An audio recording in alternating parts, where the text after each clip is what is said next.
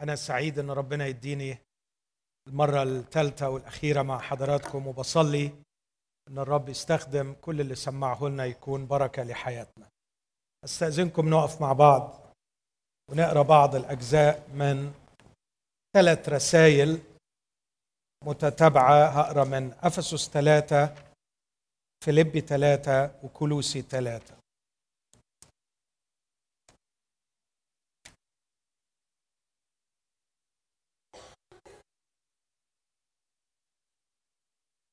في إفسس ثلاثة عدد 14 الرسول بولس بيصلي من أجل المؤمنين في إفسس صلي وهو في السجن. لكن ده اللي كان ضاغط عليه وكان بيتوسل إلى الرب من أجله. بيقول بسبب هذا أحني ركبتي لدى أبي ربنا يسوع المسيح الذي منه تسمى كل عشيرة في السماوات وعلى الأرض. لكي يعطيكم بحسب غنى مجده. أن تتأيدوا بالقوة بروحه في الإنسان الباطن ليحل المسيح بالإيمان في قلوبكم. ليحل المسيح بالإيمان في قلوبكم. وأنتم متأصلون ومتأسسون في المحبة حتى تستطيعوا أن تدركوا مع جميع القديسين ما هو العرض والطول والعمق والعلو. وتعرفوا محبة المسيح الفائقة المعرفة لكي تمتلئوا إلى كل ملء الله. لكي تمتلئوا إلى كل ملء الله. والقادر أن يفعل فوق كل شيء أكثر جدا مما نطلب أو نفتكر. بحسب القوة التي تعمل فينا.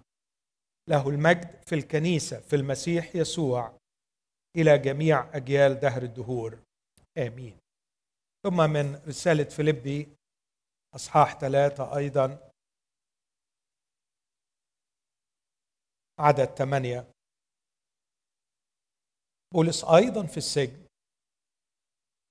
يكتب لإخوته دافعا إياهم نحو النضوج ويسرد شيئا من اختباره الشخصي فيقول بل إني أحسب كل شيء أيضا خسارة من أجل فضل معرفة المسيح يسوع ربي الذي من أجله خسرت كل الأشياء وأنا أحسبها نفاية لكي أربح المسيح وأوجد فيه وليس لي بر الذي من الناموس بل الذي بإيمان المسيح البر الذي من الله بالإيمان.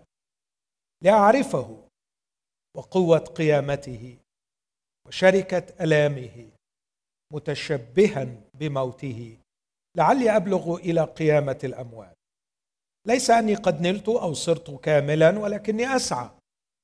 لعلي أدرك الذي لأجله أدركني أيضا المسيح يسوع. أيها الإخوة أنا لست أحسب نفسي أني قد أدركت ولكني أفعل شيئا واحدا. إذ أنا أنسى ما هو وراء وأمتد إلى ما هو قدام. أسعى نحو الغرض. لأجل جعاله دعوة الله العليا في المسيح يسوع. فليفتكر هذا جميع الكاملين منا. وإن افتكرتم شيئا بخلافه فالله سيعلن لكم هذا أيضا.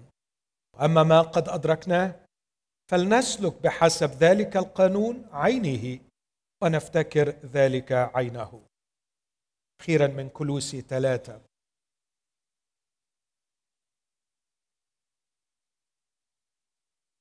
فإن كنتم قد قمتم مع المسيح فاطلبوا ما فوق حيث المسيح جالس عن يمين الله. اهتموا بما فوق لا بما على الأرض. لأنكم قد متم وحياتكم مستترة مع المسيح فالله متى أظهر المسيح حياتنا؟ متى أظهر المسيح حياتنا؟ فحينئذ تظهرون أنتم أيضا معه في المجد. عدد ثمانية. وأما الآن فاطرحوا عنكم أنتم أيضا الكل. الغضب السخط الخبث التجديف الكلام القبيح من أفواهكم. لا تكذبوا بعضكم على بعض إذ خلعتم الإنسان العتيق مع أعماله ولبستم الجديد الذي يتجدد للمعرفة حسب صورة خالقه حيث ليس يوناني ويهودي ختان وغرله بربري سكيثي عبد حر بل المسيح الكل وفي الكل. آمين. هذه هي كلمة الرب. دعونا نقدم الشكر للرب من أجلها. وباتضاع نطلب من الرب أن يوضحها لنا وأن يسكنها بغنى في قلوبنا. ربنا الحبيب يسوع راعي الخراف العظيم ورأس الجسد. قلوبنا يا رب تشكرك فعلا لأنك تحب قطيعك وأنت الذي تقوده إلى المراعي الخضر وأنت الذي تربضنا عند مياه الراحة تورد نفوسنا. اشكرك أيضا لأننا إذا ضللنا وما أكثر ما نضل. نزوغ سريعا عن الطريق. لكن لنا شخصك الجميل الراعي القدير. ترد نفسي. تهديني. تهديني إلى سبل البر. شكرا لك يا رب. رب الحبيب يسوع لقد اجتمعت مع تلاميذك أربعين يوما بعد قيامتك. كنت توضح لهم الأمور المختصة بك في جميع الكتب. فتحت ذهنهم ليفهموا الكتب. ربنا لم تزل صعوبة الكتب ماثلة. تحتاج بقوة إلى رعايتك لنا ووجودك بيننا. وفتحك لأذهاننا لكي نفهم الكتاب. نعترف يا رب بأنه أصعب من قدراتنا. نحن لسنا أفضل من التلاميذ الذين لم يستطيعوا أن يفهموا قبل أن تفتح ذهنهم. فانعم علينا يا رب. نحن نعلم أننا لن ننمو بدون هذه الكلمة. فهي القادرة أن تبنينا كما قال عبدك. أتضرع إليك أن تفتح أذهاننا جميعا وأن تعطي عبدك كلاما عند افتتاح الفم. لا تسمح أني بجهل أشوه الحق المخبوء والعظمه المخبوءه في هذه الكلمة. لكن أعطي يا رب أن قوة الروح القدس من خلال الإناء الخزفي توضح عظائم هذه الكلمة.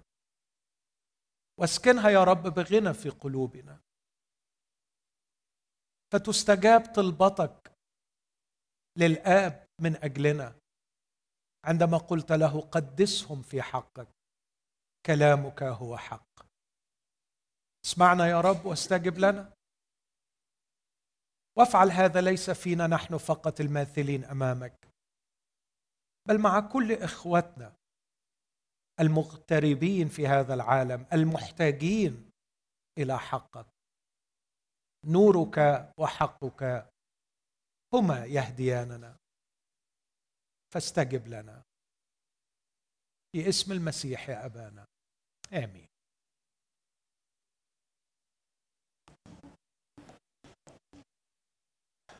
أنا قبل ما يعني أنطلق لبعض الأفكار الليلة مدين باعتراف وباعتذار.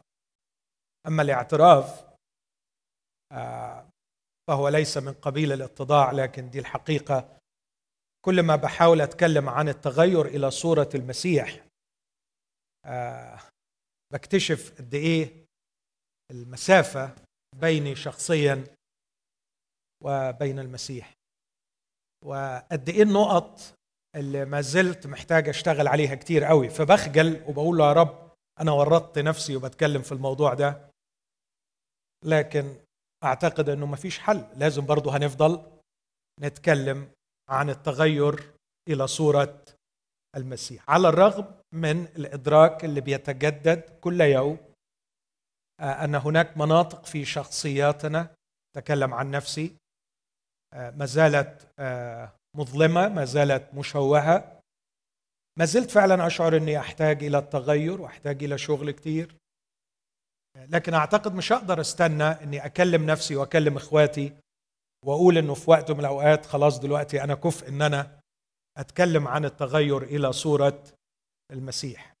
آه، فالاكتشافات دي على الرغم من إنها مؤلمة آه، محزنة فعلا لكنها ليست محبطة. بل بالعكس محفزة إن إحنا نجتهد أكثر وندخل إلى محضر الله أكثر ونفهم المكتوب أكثر لعلنا بنعمة الرب نتغير أكثر إلى تلك الصورة عينه. ده الاعتراف. فأرجو أن لا يظن أحد في فوق حقيقتي إني بتكلم عن موضوع أنا اختبرته. بجاهد بحاول. أعتقد اختبرت بعض الأشياء لكن لسه المشوار طويل. أما الاعتذار فهو إنه الطريقة اللي قدمت بيها هذا السيمينار ما هياش الطريقة اللي أرضى عنها واللي كنت أحب إن أنا أقدمه بيها. لكن ربما العذر أنه لاتساع الموضوع أنا بدي عناوين فصول في كتاب كبير ربما يكتب يوما ما عن هذا الموضوع الخطير. لما أقول أهمية التعليم لما أقول أهمية الكتاب لما أقول أهمية الكنيسة لما أقول أهمية الألم. أعانني الرب وكتبت حوالي أربع كتب عن دور الألم في تشكيل شخصية المؤمن وجعله يتغير إلى تلك الصورة وشاعر إنه لم أوفي هذا الموضوع حقه. كيف أن للألم دور عظيم.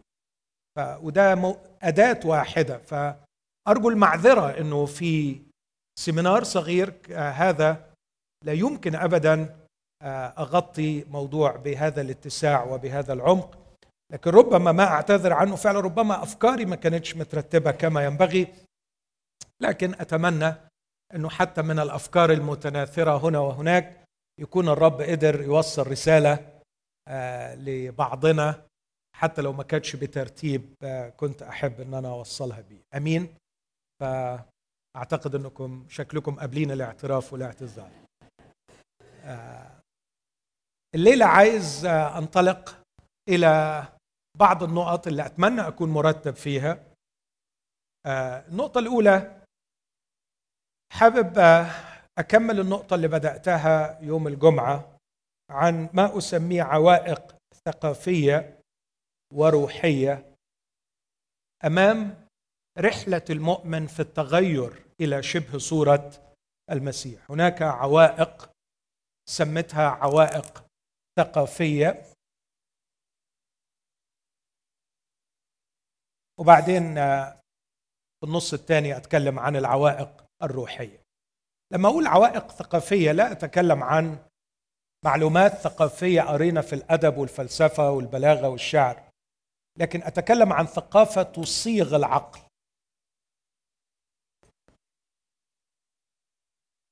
فنحن نتكلم عن العقل الغربي والعقل الشرقي العقل الصيني والعقل المصري والعقل الأمريكي والعقل الأسيوي طبعا من العبث إن واحد يظن إنه الكلام عن تكوين المخ لكن نتكلم عن ثقافة تصيغ العقل عن ذهن يوجه الحياة. ذهن يتعامل مع الواقع بطريقة معينة وبناء على قراءته الخاصة للواقع يتخذ أساليب خاصة للتعامل مع هذا الواقع فتنتج شخصية في النهاية. هذا العقل الذي يقرأ الواقع بطريقة معينة ويطور أدوات معينة للتعامل مع الواقع بيختلف من بلد إلى بلد.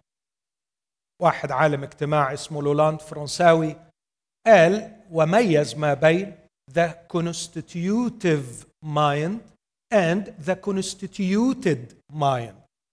ففي عقل مكون وعقل مكون.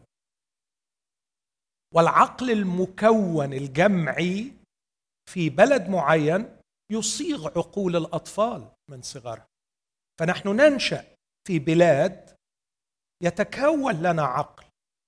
نتعامل به مع الواقع مش عيد تاني أقرأ به الواقع أعمل perception perceiving الواقع processing للواقع وبناء عليه بشعر مشاعر معينة according to اللي أنا عملت له perception وبروسيسنج فالمشاعر اللي بشعرها نتيجة الاستقبال والبرمجة اللي أنا عملتهم بعقلي بناء عليهم بتيجي ال actions بتيجي ال behaviors بتيجي التصرفات وبتطلع في النهاية الشخصية. القول القديم المشهور المعروف ازرع فكرة تحصد عادة وازرع عادة تحصد أزرع فكرة تحصد سلوك وأزرع سلوك تحصد عادة وأزرع عادة تحصد شخصية تحصد character في النهاية. خلاصة للفكرة دي إخوتي الأحباء أرجوكم لا تتجاهلوا دور الثقافة التي نشانا فيها في تشكيل عقولنا واحد آخر من علماء الاجتماع قال لا يمكن أن أقول عن شخص أنه مثقف فرنسي لأنه اطلع على كل الأداب الفرنسية. لكن لا أقول عن شخص أنه مثقف فرنسي إلا إذا كان يفكر بعقلية فرنسية. أنا أقدر آخذ دي وانتقل منها وأقول لا يمكن أن أقول عن شخص أنه مسيحي لأنه يجيد معرفة كل الأمور المسيحية. لكن أقول عن شخص أنه مسيحي أي تابع للمسيح عندما يفكر بطريقة مسيحية. لما المايند بتاعه يبقى constituted by the Christian truth. أوزجينوس عالم الاجتماع المسيحي يقول مهمتنا كخدام الله أن نصيغ عقول أولاد الله في حق الله ليصنعوا مشيئة الله.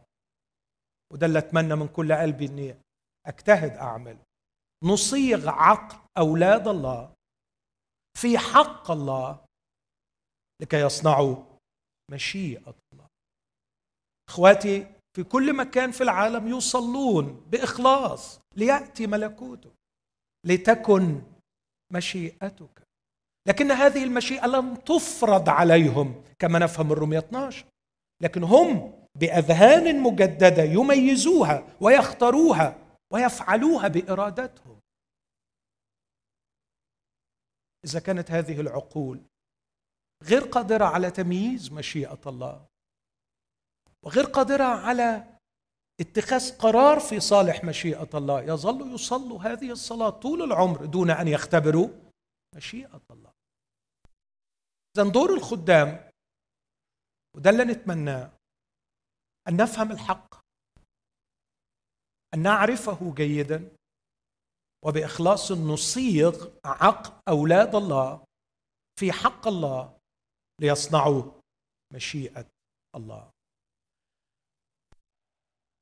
أول ما بنيجي نتعامل اذا هنا بيبان قوي دور الذهن دور العقل اللي أنا مش عايز أخد أمثلة كتير تأكد الفكرة دي لأنه توضيح الواضح من سخف الكلام دايما بقول الكلمة دي. لكن أعتقد حضراتكم عارفين مثلا أثر العقل العربي على الشخصية العربية مش كده؟ يا يا يا.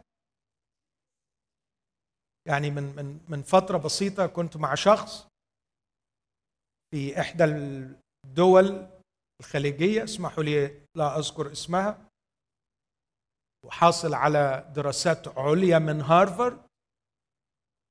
وبعد ما قعدت معاه حوالي ساعة الرب شاهد خرجت وعندي هذا الانطباع عميق. شعرت أني أجلس مع شخص يجلس أمام الخيمة مربوط فيها جمل ولم يبرح من هذه الخيمة متر واحد. متر واحد لم يبتعد عن الخيمة والناقة وحليب الناقة وفكر الحماقة. فأدركت من جديد أن هارفارد أعطته شهادة وأعطته معلومات لكنها لم تعطيه عقل لم يتغير العقل. وده شيء مرعب يا إخوتي لأنه ممكن يكون الكنيسة هارفارد في التعليم هارفارد في التعليم يقدم فيها أسمى تعليم. ويظل الشخص يذهب إلى الكنيسة لكن يظل عقله عقل عالمي جسدي. لا يفكر في الأمور بطريقة مسيحية. في أمثلة أخرى كنت أديها لأولادي وهم صغيرين لكن مش مش عايز أضيع وقت كتير. كيف يمكن أن نفكر بعقل مسيحي في ماتش كورة؟ وكيف يمكن أن نفكر بعقل جسدي عالمي في مائدة الرب وليس بالضرورة أن يكون لديك فكر معين لكن الأهم كيف تفكر في هذا الأمر. أن يكون لديك فكر تجاه هذا الأمر هذه عملية نقل وليس عقل. حد حط لك الفكرة دي؟ فأنت بتستعمل الفكرة دي في مواجهة الموقف ده. حد نقل لك فكر عن ميدة الرب. فأنت بتفكر في ميدة الرب بالفكر اللي اتنقل لك. أنت ناقل ولست عاقل. أنت تتبع النقل. وأنتم عارفين إن كارثة العالم العربي هي النقل وليس العقل. لكن الكتاب المقدس سواء في العهد القديم أو في الأناجيل أو في الرسائل أرى أن كل التركيز هو على صياغة العقل. الآية الجوهرية العظيمة تغيروا عن شكلكم بتجديد أذهانكم. والتلوس النهائي الغاية النهائية في تجديد العقل هو أن نصل إلى ما علم به بولس في كورنثوس الأولى اثنين وفي فيليب اثنين. أما نحن فلنا فكر المسيح فليكن فيكم الفكر الذي في المسيح. إخوتي الاحباء كم أشعر بالفخر بالفخر بالمسيحية لأنها تريد أن تصل بي أن تعطيني فكر المسيح أي أني to perceive to process to behave as Christ. أقرأ الواقع process الواقع واتفاعل مع الواقع كما كان يفعل يسوع. طبعا من السذاجه بقى إن أنا أقول إيه طب أنا أشوف هو تصرفاته كانت إزاي وبعدين أعمل زي والفكرة دي أنا حاولت إن أنا أهدها في أول ليلة. لا مش هتيجي كده. لكن لما آخد فكر المسيح ذهن المسيح أتعامل مع الواقع بطريقة المسيح. أعتقد إن النص الأول في أفسس ثلاثة وهرجع له في النهاية واضح جدا إنه يبدأ من الداخل وليس من الخارج. علشان يوصلني إني أعيش فعلا وأمتلئ إلى كل ملء الله بدأها بإنه يحل المسيح بالإيمان فين؟ في قلوبكم. ولكي يحل المسيح بالإيمان في القلب اي يملأ منطقة الذهن والمشاعر والرغبات ويحل في الداخل كان يسبقها تأييد بقوة الروح القدس في الإنسان الباطن. إنسان الباطن من جوه أنا من جوه.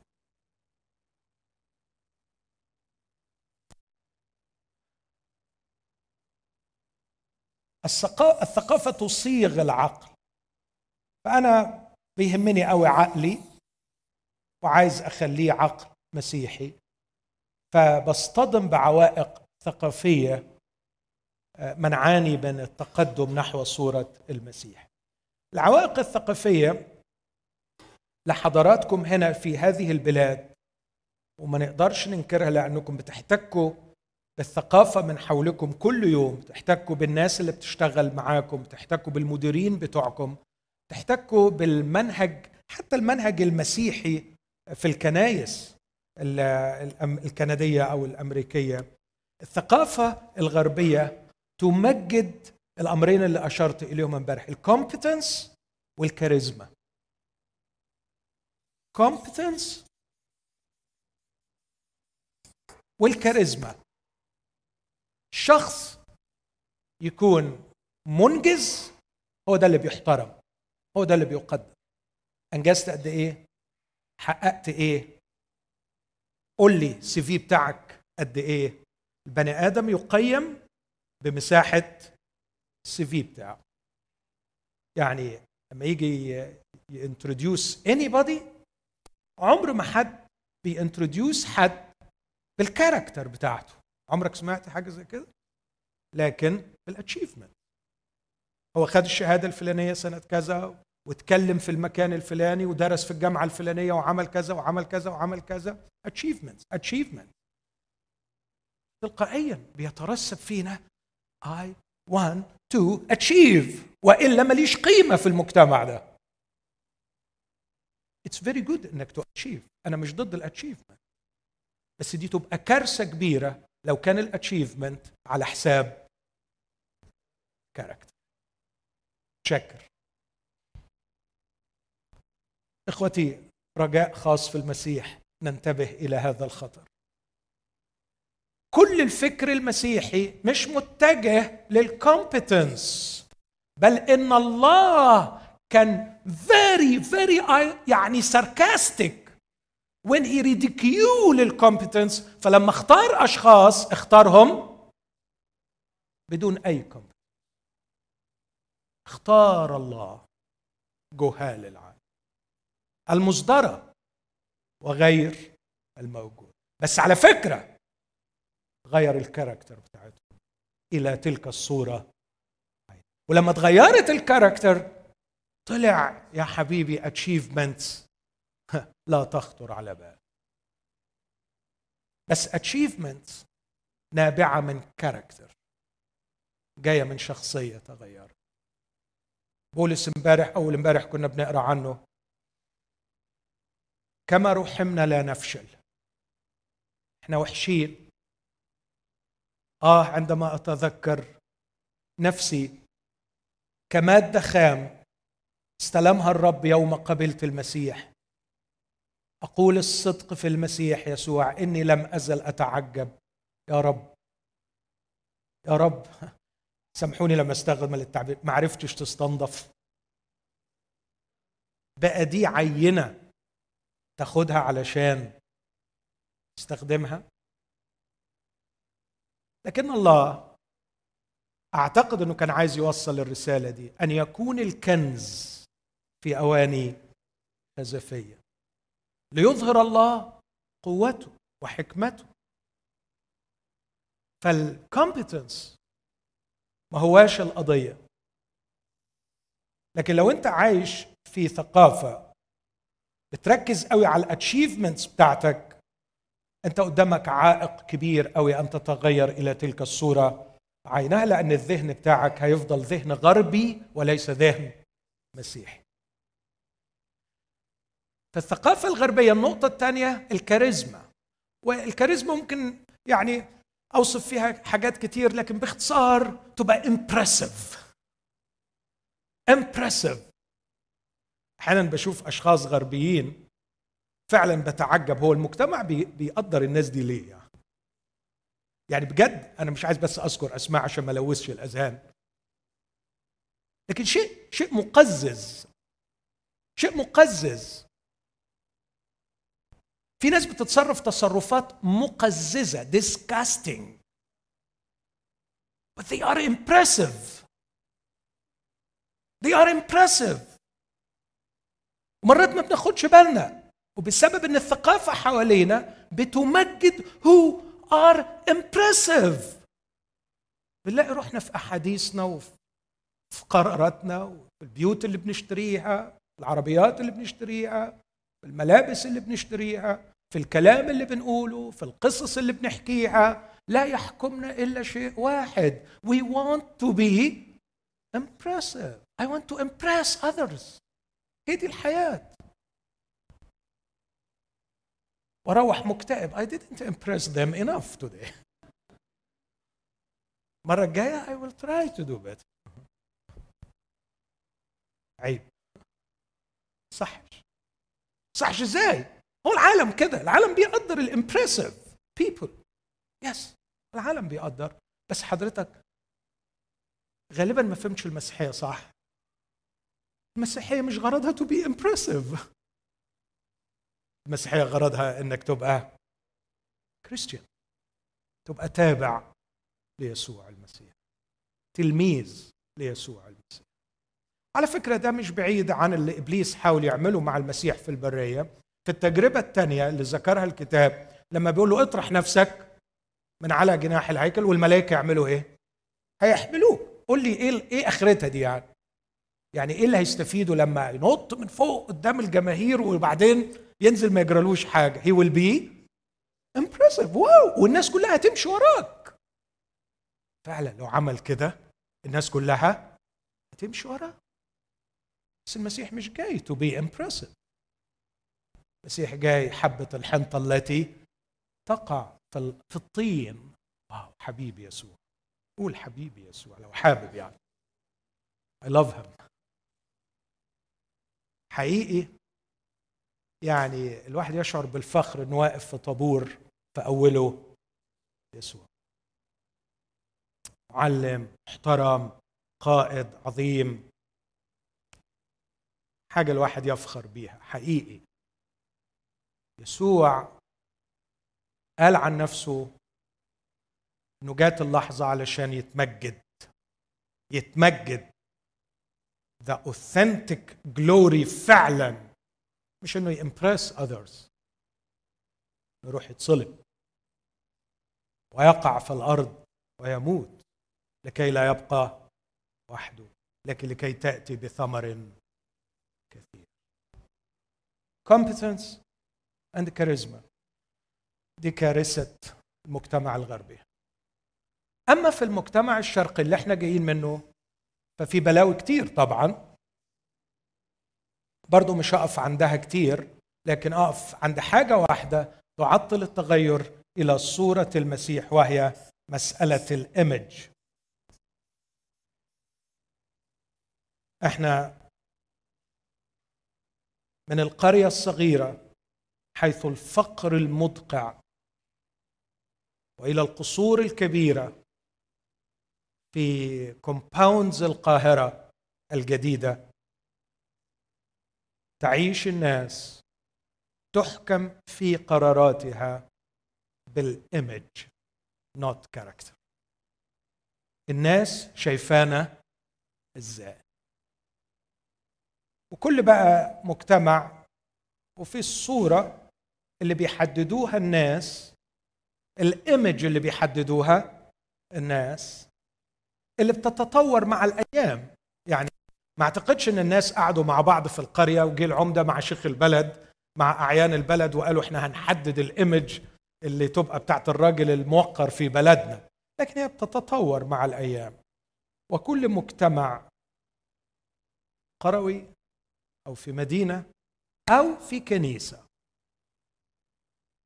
أي مجتمع كنسي بعد فترة بسيطة غالبا بيبقى عنده ال image الموقرة والمقدرة من المجتمع. وتلاقينا تلقائيا تلقائيا ال perception بتاعنا للناس وال processing لل ideas وال behavior اللي إحنا بنتصرف بيه كله خاضع محكوم بال image اللي إحنا عايزين نبقاها علشان نحظى بالقبول وبالحب وبالتقدير من الناس.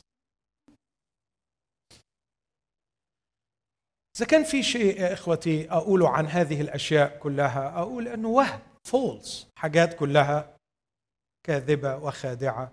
وأكثر شيء بيوجعني فيها إنها بتسرق من العمر كتير. تسرق من العمر كتير. أنا لما كنت بقدم الاعتراف في بداية هذا الاجتماع كنت خايف إنه يفهم من قبيل الاتضاع لكنه هو حزن حقيقي في داخلي. آه، وليس حزن لأني مش لأني مش قادر أتغير كما ينبغي أبقى زي المسيح. لأنه عارف إن مفيش حد يعني قادر ينجز قوي لكن الحزن الحقيقي انه العمر قصير. وإن العمر ما يكفيش. وإن الأيام بتجري. فتخيل بقى لما يضيع منك سنة ورا سنة ورا سنة يضيع منك عشر سنين وتكتشف إن في العشر سنين أنت كانت كل انفعالاتك وزعلاتك وانبساطاتك وأحزانك واكتئاباتك وأفراحك واحتفالاتك كلها كانت مرتبطة إنك بتدور على ايمج مثلا. تخيل الكارثة تخيل الكارثة تخيل المصيبة. أخويا الغالي يعني very precious ده ممكن يعمل حاجات كتيرة قوي لربنا في الدنيا. ممكن ينجز حاجات عظيمة لملكوت الله. بس الحقيقة ما عملش أي حاجة لأنه كان في العشر سنين اللي فاتت مشغول جدا بإنه بيستثمر in his his own image اللي عايزه تبقى قدام الناس. هيقولوا عليا إيه؟ كنت بفكر مرة في الموضوع ده ورايح مشغول أتكلم عنه في القاهرة بعدين وأنا رايح في القطر. ربنا طبعا ترتيباته الغريبة رتب واحدة تقعد جنبي. قالت لي أنت فلان؟ قلت لها آه أنا فلان. فيعني قالت سبحان الله أنا ليا ثلاث سنين بحاول أدور عليك لكن أنت اللي جيت قعدت جنبي وأنا كنت اوريدي بدأت أشتغل فخدت هي الوقت. لكن كان كل الوقت عبارة عن مأساة حقيقية مرعبة مرعبة. تم تدمير هذه الإنسانة تماما من عيلتها لسبب واحد وحيد حرص العيلة على صورته يعني أقول شيء واحد بس. طردت البنت طردت من بيت الزوجية. ما كانش ليها حد تلجأ له إلا أهلها. أهلها نزلوها في أوتيل علشان الجيران ما يقولوش إن الجوازة خابت. بتقول لي حاول تتخيل مشاعري. اني مش قادرة أنام في حضن أمي ولا أنام في بيتنا. لمجرد إن عيلتي مش عايزة أهل جوز أختي يعرفوا والجيران يعرفوا إن أنا عندي مشاكل. ايمج ايمج من أجلها يضحى بكل شيء. هي أهم شيء. ولتسحق النفوس وليتحطم الناس. المهم الصورة. الصورة في الآخر.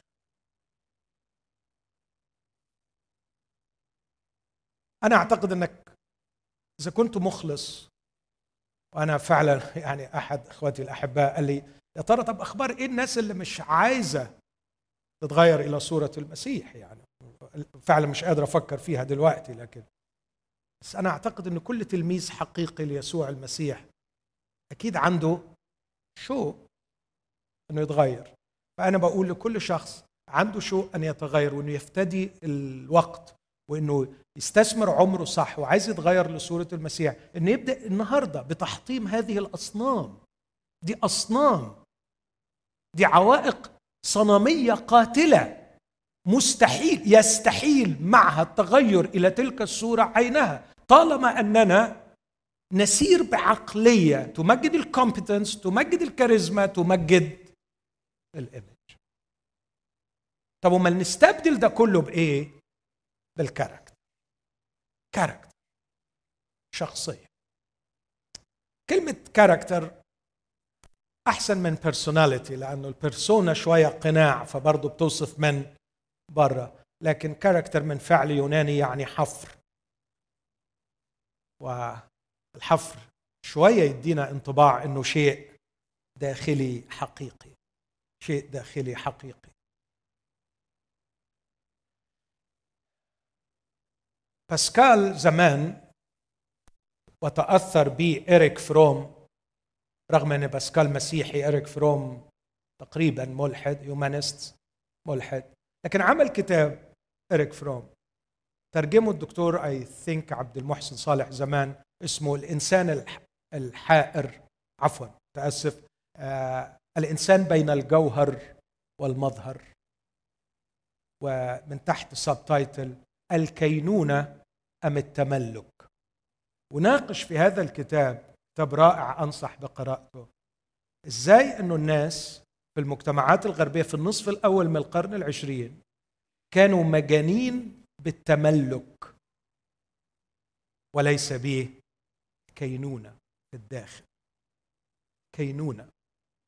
حط الكينونة مقابل الكاركتر. لما أقول الكاركتر أنا أقصد مش what you do مش what you have لكن what you are.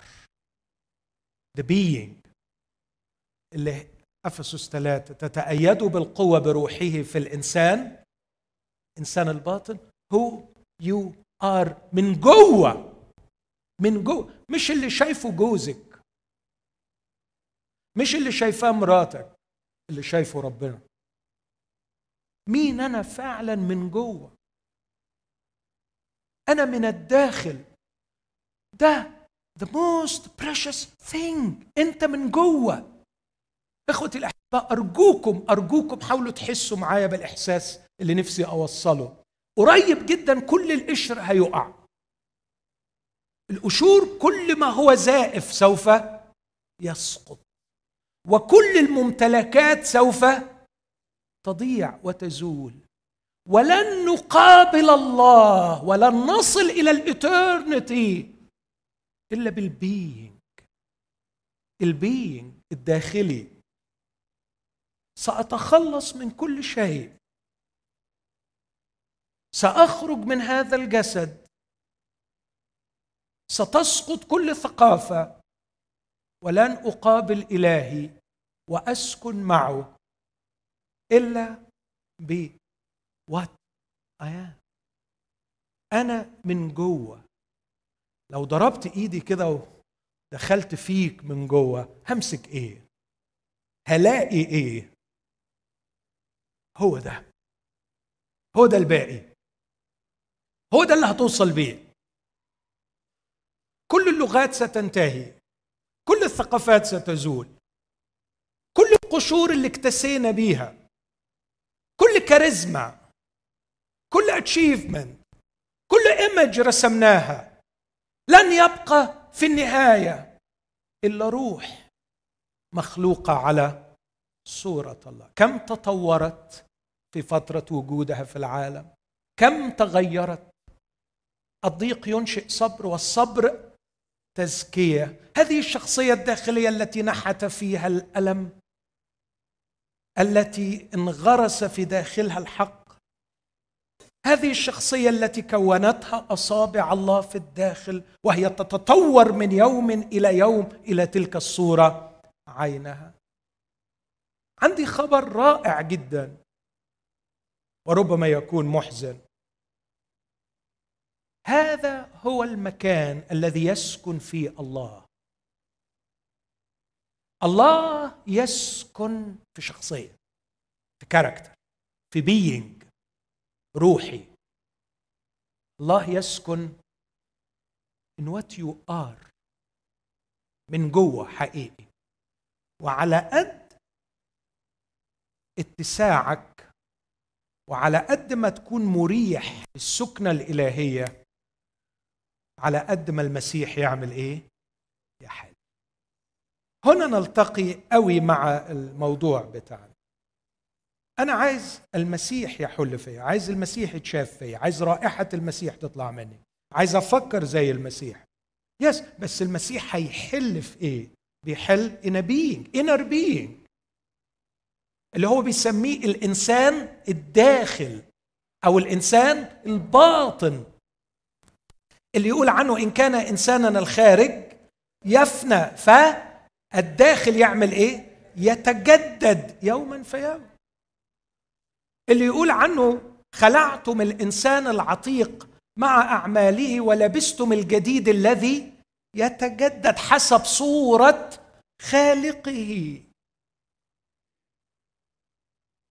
هذا الإنسان الداخل ال inner being اللي ربنا اشتغل فيه اشتغل فيه من خلال جوازك اشتغل فيه من خلال العهد وال commitment اللي انت قطعته. اشتغل فيه من خلال الحرمان اللي انت تعرضت له. اشتغل فيه من خلال الضغوط الرهيبة اللي انت تعرضت لها. اشتغل فيه من خلال العطايا والإحسانات اللي ربنا أكرمك بيها. الله اشتغل في ال inner being بكلمته بحقه بألام بعطايا بإحسانات. هذا ال inner being يتشكل ليحل فيه المسيح. وعلى قد ما تشكل وسع وكبر وحلو على قد ما مساحة حلول المسيح فيه بتزيد. يعني بصراحة المسيح brilliant حد موافقني على الكلام ده؟ ولا؟ يعني مرات كده بنحس الغلبان ده اللي جه من الناصرة كان بيشتغل نجار طول عمره راجل طيب وبسيط وبيعلم الناس تحبوا بعض بيفكر بالطريقة دي يعني متأسف مش عايز أغلط فيه. لا المسيح مش كده خالص. مسيح brilliant حقيقي brilliant. علشان المسيح يقدر يشتغل ويبين ذكائه محتاج إن إحنا نشتغل على ذكائنا. محتاج إن إحنا نشتغل على عقولنا وعلى ثقافتنا. المسيح بجماله وصبره ولطفه محتاج كاركتر تكون جميلة وصبورة ولطيفة. المسيح بغفرانه الغير عادي محتاج شخصية تتعرض للإساءات وتتدرب على الغفران. فكل ما هو المسيح لكي يظهر يحتاج إلى character تستطيع استيعابه.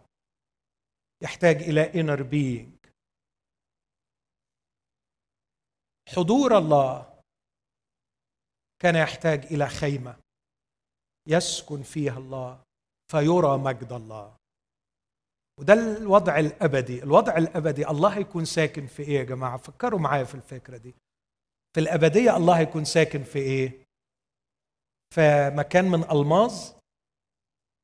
على فكرة هو يقدر يعمل مكان من ألماظ رايت بالمناسبة حاليا اكتشفوا يعني دي خبر بقوله للأخوات في حاليا اكتشفوا فعلا ومش بعيد ده في المجرة بتاعتنا يعني في الميلكي واي جالاكسي. في حتة ألماظة حجمها قد الأرض مئات المرات. أنتوا متخيلين؟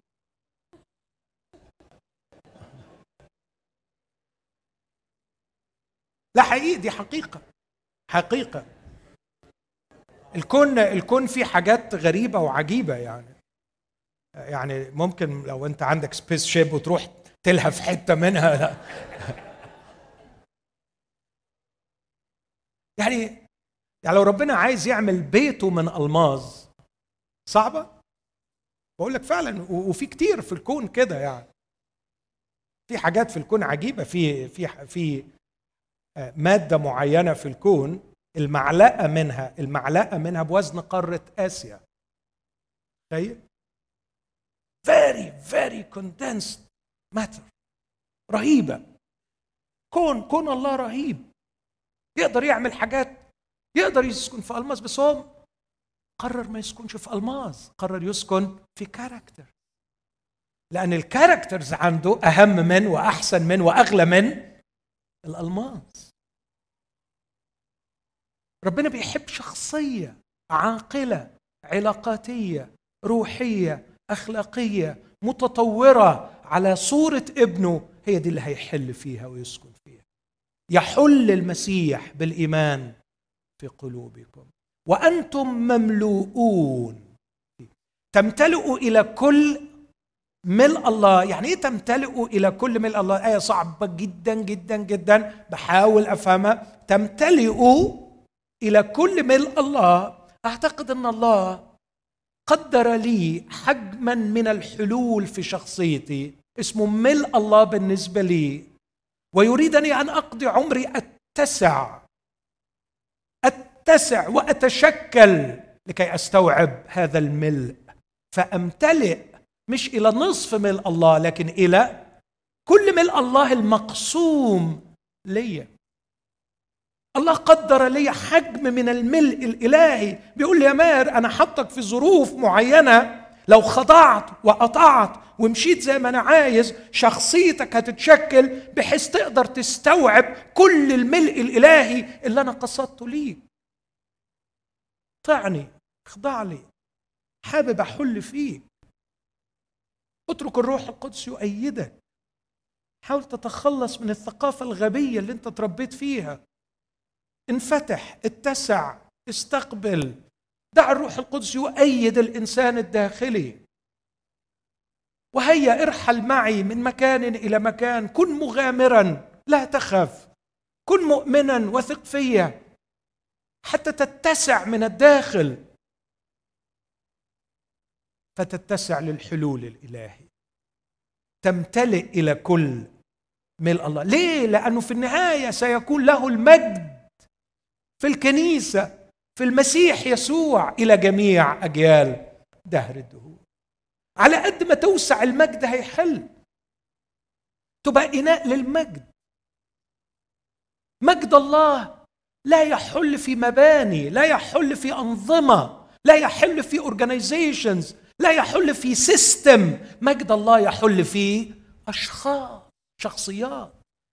وده اللي ربنا اختاره إن إلى أبد الأبدين يكون الله مستعلن في كنيسته اللي هي عبارة عن مجموعة مؤمنين أشخاص. بس الناس دول من حقهم النهارده أن يستوعبوا الحلول الإلهي والسكنه الإلهية and they can reflect God's glory يقدروا يطلعوا المجد ده ويبينوه. مش هم اللي هيبينوا لك المجد وحده هيعمل إيه؟ هيبان بس لأنه ليه channel يبان فيها. اليومين دول كان بحكي كتير مع موريس أخويا إنه من الممكن إن شخصية معينة فعلا كنا متفقين على كده. ممكن شخصية معينة تعملش حاجات كتير ما تقولش كلام كتير ما هياش عبقرية ما هياش impressive قوي بس بتستوعب الحلول الإلهي تنظم الدنيا كلها حواليها من غير مجهود. حد فاهم أي حاجة من اللي بقوله ده؟ يس إذا حل المجد الإلهي وحمل الإناء الحضور الإلهي. يظبط الدنيا حواليه من غير مجهود كتير. ويطاع الله. ويخشى من قديسيه. وحقه يحب ويقدر من غير كلام كتير. لمجرد أن الشخص سمح للمعاملات الإلهية أن تهيئ في مكانا لحلول المجد الإلهي. ده نصيبي ونصيبك ونصيبك. بس إحنا للأسف بنضيع عمرنا في الكومبتنس في الكاريزما في الإيمج. بنضيع عمرنا إن إحنا نقبل القولبة. نقبل أن طوائفنا تقولبنا وتصيغنا في أشكال جامدة ميتة. وهذه القولبة هي عملية انتحار وجودي. انتحار وجودي existential suicide. يوم ما تقبل إن جماعة دينية تقولبك وتصبك في قالب معين أنت تقبل الانتحار الوجودي. أنت بتقبل إنك ما تكونش أنت. لكن روح الله القدوس يريد أن يغير ويجدد ويبدع ويطلع كل واحد غير الثاني كل واحد ليه جماله الخاص. المنظر الجميل اللي بيفهم بلغة طبعا سفر الرؤيا على فكرة من أصعب الأسفار وأرجوكم يا حبايب مش هقعد أقول على كل سفر صعب بس يعني بصراحة كتاب كله صعب يا جماعة أرجوكم يعني تصدقوني في اللي بقوله ده. الكتاب المقدس ما هوش كتاب سهل. ممكن تصدقوني في الكلمة دي. شكر قوي يعني بلاش حكاية اللي لموا المنهج دي. من أكتر الحاجات اللي بتنرفزني اللي بيتعاملوا مع الكتاب على إنه لم المنهج يعني. خلاص أنا أول ما بلاقي واحد حس إنه لم المنهج أنا بلم نفسي. خلاص مفيش شغل. هشتغل هشتغل على إيه؟ كتاب مقدس. صح من أكثر الأسفار الصعبة سفر الرؤيا سفر الرؤيا محير. مليان بالحاجات الرهيبه بس بنحاول ناخد منه على قد ما نقدر. ففي آخر سفر الرؤيا واضح جدا إنه لما بيوصف الكنيسة كان عمال يذكر أسماء حجارة كريمة مختلفة. مش مش مجرد وش ورص يعني. لكن عايز يقول إنه صياغة الله لكل واحد فينا مختلفة بتطلع لون في الآخر غير الثاني بس على فكرة المجد الإلهي علشان يبان تلزمه كل الألوان. عشان يبان النور والجمال ويسطع المجد الإلهي محتاج اليشب والزمرد والعقيق ومش عارف إيه وإيه وإيه وإيه وقعد يسمي حجارة كتيرة قوي عايز أقول لربنا هيصيغك بطريقة ويصيغ أخوك بطريقة ويصيغ أختك بطريقة وكله لازم لأن المجد الإلهي أسمى وأعظم وأوسع وأعمق من أن يحد شخص أو في نظام أو في سيستم أو في قالب أو في وضع لكن ده محتاج تنوع غير عادي. وكل ما الألوان كترت والأشكال اختلفت كل ما كان انسطاع أشعة المجد أكثر جمالا وبريقا. وعشان كده ستظل الكنيسة إلى أبد الأبدين تسير شعوب المخلصين بنورها. جمال بديع يرى من خلال شخصيات استوعبت حلول المجد الإلهي فيها بعد ما شكلها الله تشكيل كثير وطويل. اذا أتمنى أنه ما تبقى لينا من العمر. الرب يدينا نعمة نستثمر اللي بسميه كاركتر وليس الإيمج. أمين؟ مرة خدمت خدمة في قصر الدبارة تحت هذا العنوان الكينونة الضائعة بين التملك والصورة. عنوان صعب شوية. الكينونة الضائعة بين التملك والصورة. وقلت إن ربنا ادانا كينونة علشان نكبرها ونطورها ونشتغل عليها عشان تستحمل الحلول الإلهي. بس إحنا بنضيع العمر إن إحنا عايزين نمتلك أو عايزين الناس نستثمر في الصورة بتاعتنا فبينتهي العمر ونكتشف إن كينونتنا قاعدة هزيلة ضعيفة. دي خلاصة الوعظة يعني. بس كنت حاسس إن الكلام صعب وكنت بتفلسف فيه حبتين ودي للأسف خصلة مش كويسة. فيعني بس وأنا طالع كنت عايز أطمن فكان معايا سواق تاكسي هو اللي موديني وهيرجعني في السكة بسأله بقول له فهمت حاجة من الوعظ هو كان حاضر. قال لي بصراحة يا دكتور آه. ومن النهارده المفروض إن كل واحد حضر الوعظة دي ياخدوا الكينونة بتاعته ويطبطب عليها ويعتذر لها ويقول لها أنا من النهارده هعمل باصلي معاكي وهخلي بالي منك بجد فرحت فرح كبير. حسيت إن الراجل خلاص فاهم الحاجة. كل واحد كده بقى يعمل بأصله مع الكينونة بتاعته. ياخدها كده على جنب ويعتذر لها طبطب عليها يقول لها أنا آسف يا كينونتي العزيزة وأنا بنصحكم تعملوا زي الراجل ده. حقيقي بجد. روح كده النهارده خد كينونتك على جنب. قولها يا كينونتي العزيزة أنا غبي وصدقيني ما عارف شكلك. أنا من كتر ما كنت مشغول بحاجات كتير غيرك أنا غالبا مش عارف ملامحك مش عارف نقط ضعفك ونقط قوتك. أنا كل اللي اعرفه عنك اللي قالوه لي الناس عني. والنهاردة اكتشفت إن اللي قالوه الناس ده ما كانش عن character عن هو أنا مين من جوه. ده كان عن ال image اللي أنا رسمتها لهم. أنا بعتذر لك يا كينونتي كنت بضيع عمري في ال achievement عايز impress others ما خدتش بالي منك. ما بنتش عقل محترم يعرف يجيب كل من يسأل عن سبب الرجاء الذي فينا. ما بنتش لطف حقيقي. ما عرفتش أبني صبر حقيقي. تعرضت لضيقات كثيرة يا كينونتي. كان المفروض إن الضيق ده ينشئ. يخلق في الصبر. لكن للأسف الشديد ضاعت أيام الضيق. وطلعت منها وأنا غير صبور. لأني ما كنتش مركز إزاي أتغير من الداخل. أنا تعرضت مرات كثيره لامتحانات وتجارب تمتحن مدى أمانتي في العهد والالتزام. وللأسف خسرت الجولة. كان ممكن أطلع من التجارب دي أروع وأعظم. كان ممكن أطلع منها أشبه إلهي حافظ العهد. من أروع صفات إلهنا إله حافظ العهد. حافظ العهد. بس أنا خنت. كنتش أمين للعهد. أعتقد إن نعمة الجواز هي أعظم نعمة مش علشان نستمتع بحياة زوجية سعيدة. قد ما نتطور من خلال الزواج إلى شخصيات حافظة للعهد. ولهذا تم التمرد على الزواج الآن لأنه أعتبر مصدرا للمتعة والراحة. لم يؤسس الله الزواج للمتعة والراحة. الله أسس الزواج ليتمم القصد الإلهي. function بتاعت آدم. function بتاعت الإنسان. كممثل لله حافظ العهد والأمانة. مش هتتم من غير الجواز. لا يوجد شيء لا توجد مؤسسة. ولا توجد علاقة يتجسد فيها العهد كما في الزواج. عشان كده كتير بنقول الزواج ليس عقد لكنه عهد.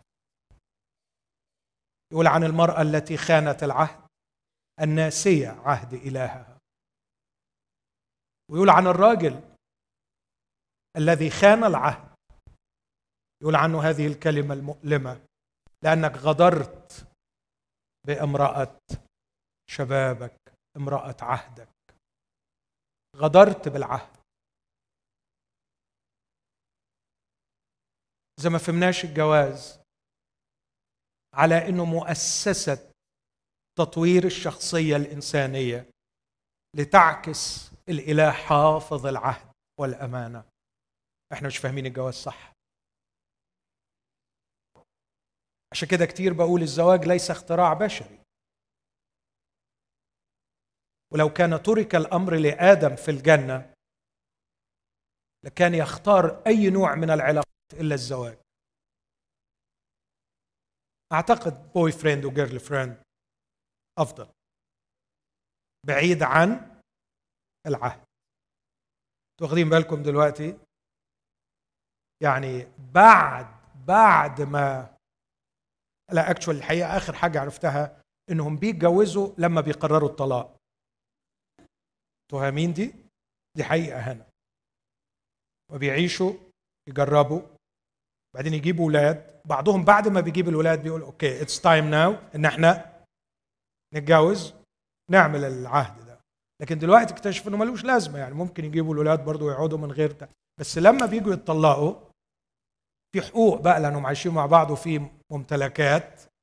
فعايزين الممتلكات دي تتوزع صح؟ فنتجوز علشان نتطلق. فيبقى لما نتطلق فاهمين؟ غاب مفهوم العهد عن الزواج فأصبح الزواج ثقل. وأنا بقولها بكل قلبي الزواج مشروع فاشل بعيدا عن فكرة العهد. أروع ما في الزواج إني أحب الحب العهدي.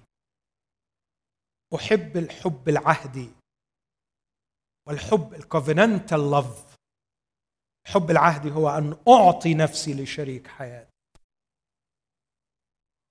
مش يستاهل ولا ما يستاهلش. مش ينفع ولا ما ينفعش. مش اديله على قد ما يديني. مش 50 50 لكن أعطي نفسي. وأصون العهد. فلا يفصل بيني وبينك إلا الموت. تطوير شخصية الله. حافظ العهد. هذه العوائق الثقافية تمنع الحق المسيحي من التغيير. وطبعا للأسف شديد ودي نقطة ثانية أرجو بسرعة أقولها. طبعا كان نفسي أول ليلة أوضحها بس ما كانش في وقت. إنه لما بنيجي نقدم كلمة الله الكتاب المقدس بيتم processing للكتاب ب processor هو أصلا متكون غلط. مفهوم قصدي؟ فأنا بعمل perception للكلمة و process ال ideas بتاعت الكتاب الحق بتاعت بتاع الكتاب بالبروسيسور اللي أنا بستعمله هو نفسه متكون غلط. فما أقراش الكتاب وأشوف فيه اللي عايز يقوله الكتاب لكن بشوف في الكتاب اللي أنا عايز أشوف ودي واحدة من أخطر الأشياء اللي أعتقد إنه الكنيسة هنا لازمة جدا وحلاوة الكنيسة إنه يبقى فيها أطياف مختلفة وأنواع مختلفة فكل واحد يفكر بطريقة غير الثاني وأسمع أخويا وأشوف بيفكر إزاي وباتضاع أقول why not ما يمكن أخويا بيفكر صح وراجع نفسي. لأنه أعتقد من حاصل جمع وضرب وطرح الرؤى المختلفة من الممكن أن نصل إلى رؤية متزنة. لكن لما أقعد طول عمري أقرأ بدماغي أنا بس في خطر كبير. عايز علشان الوقت أنتقل بسرعة إلى عوائق أسميها روحية للأسف مش ثقافية. عوائق روحية.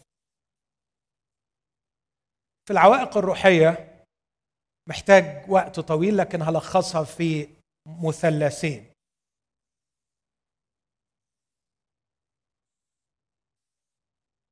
المثلث الأول اسميه المثلث الزائف للحياة المسيحية.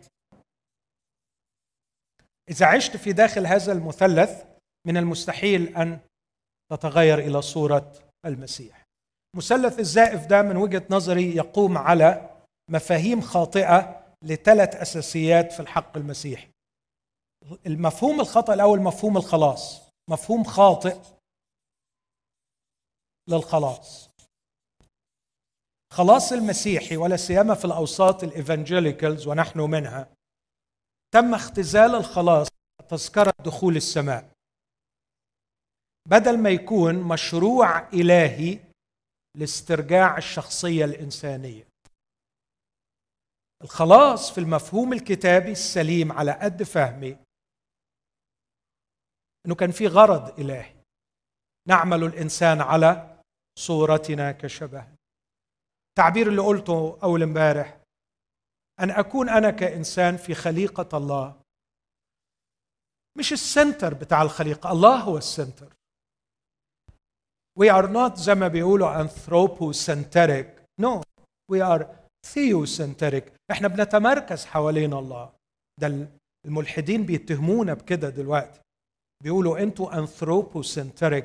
أنتوا بتعيدوا نفس المأساة اللي كانت قبل كوبرنيكوس لما كانوا الناس geocentric مش heliocentric فاكرين المأساة دي انه كانوا فاهمين ان الأرض هي إيه سوزي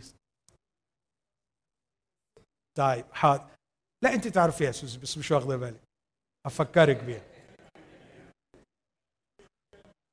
حاضر.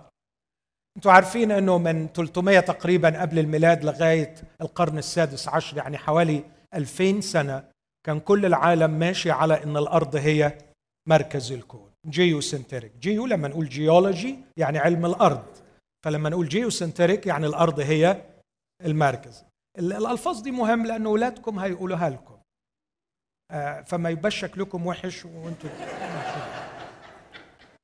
الولاد هيجوا من الجامعة وهيقولوا لكم الكلام ده. فيعني جست بحاول أحسن منظركم شوية قدام الولاد.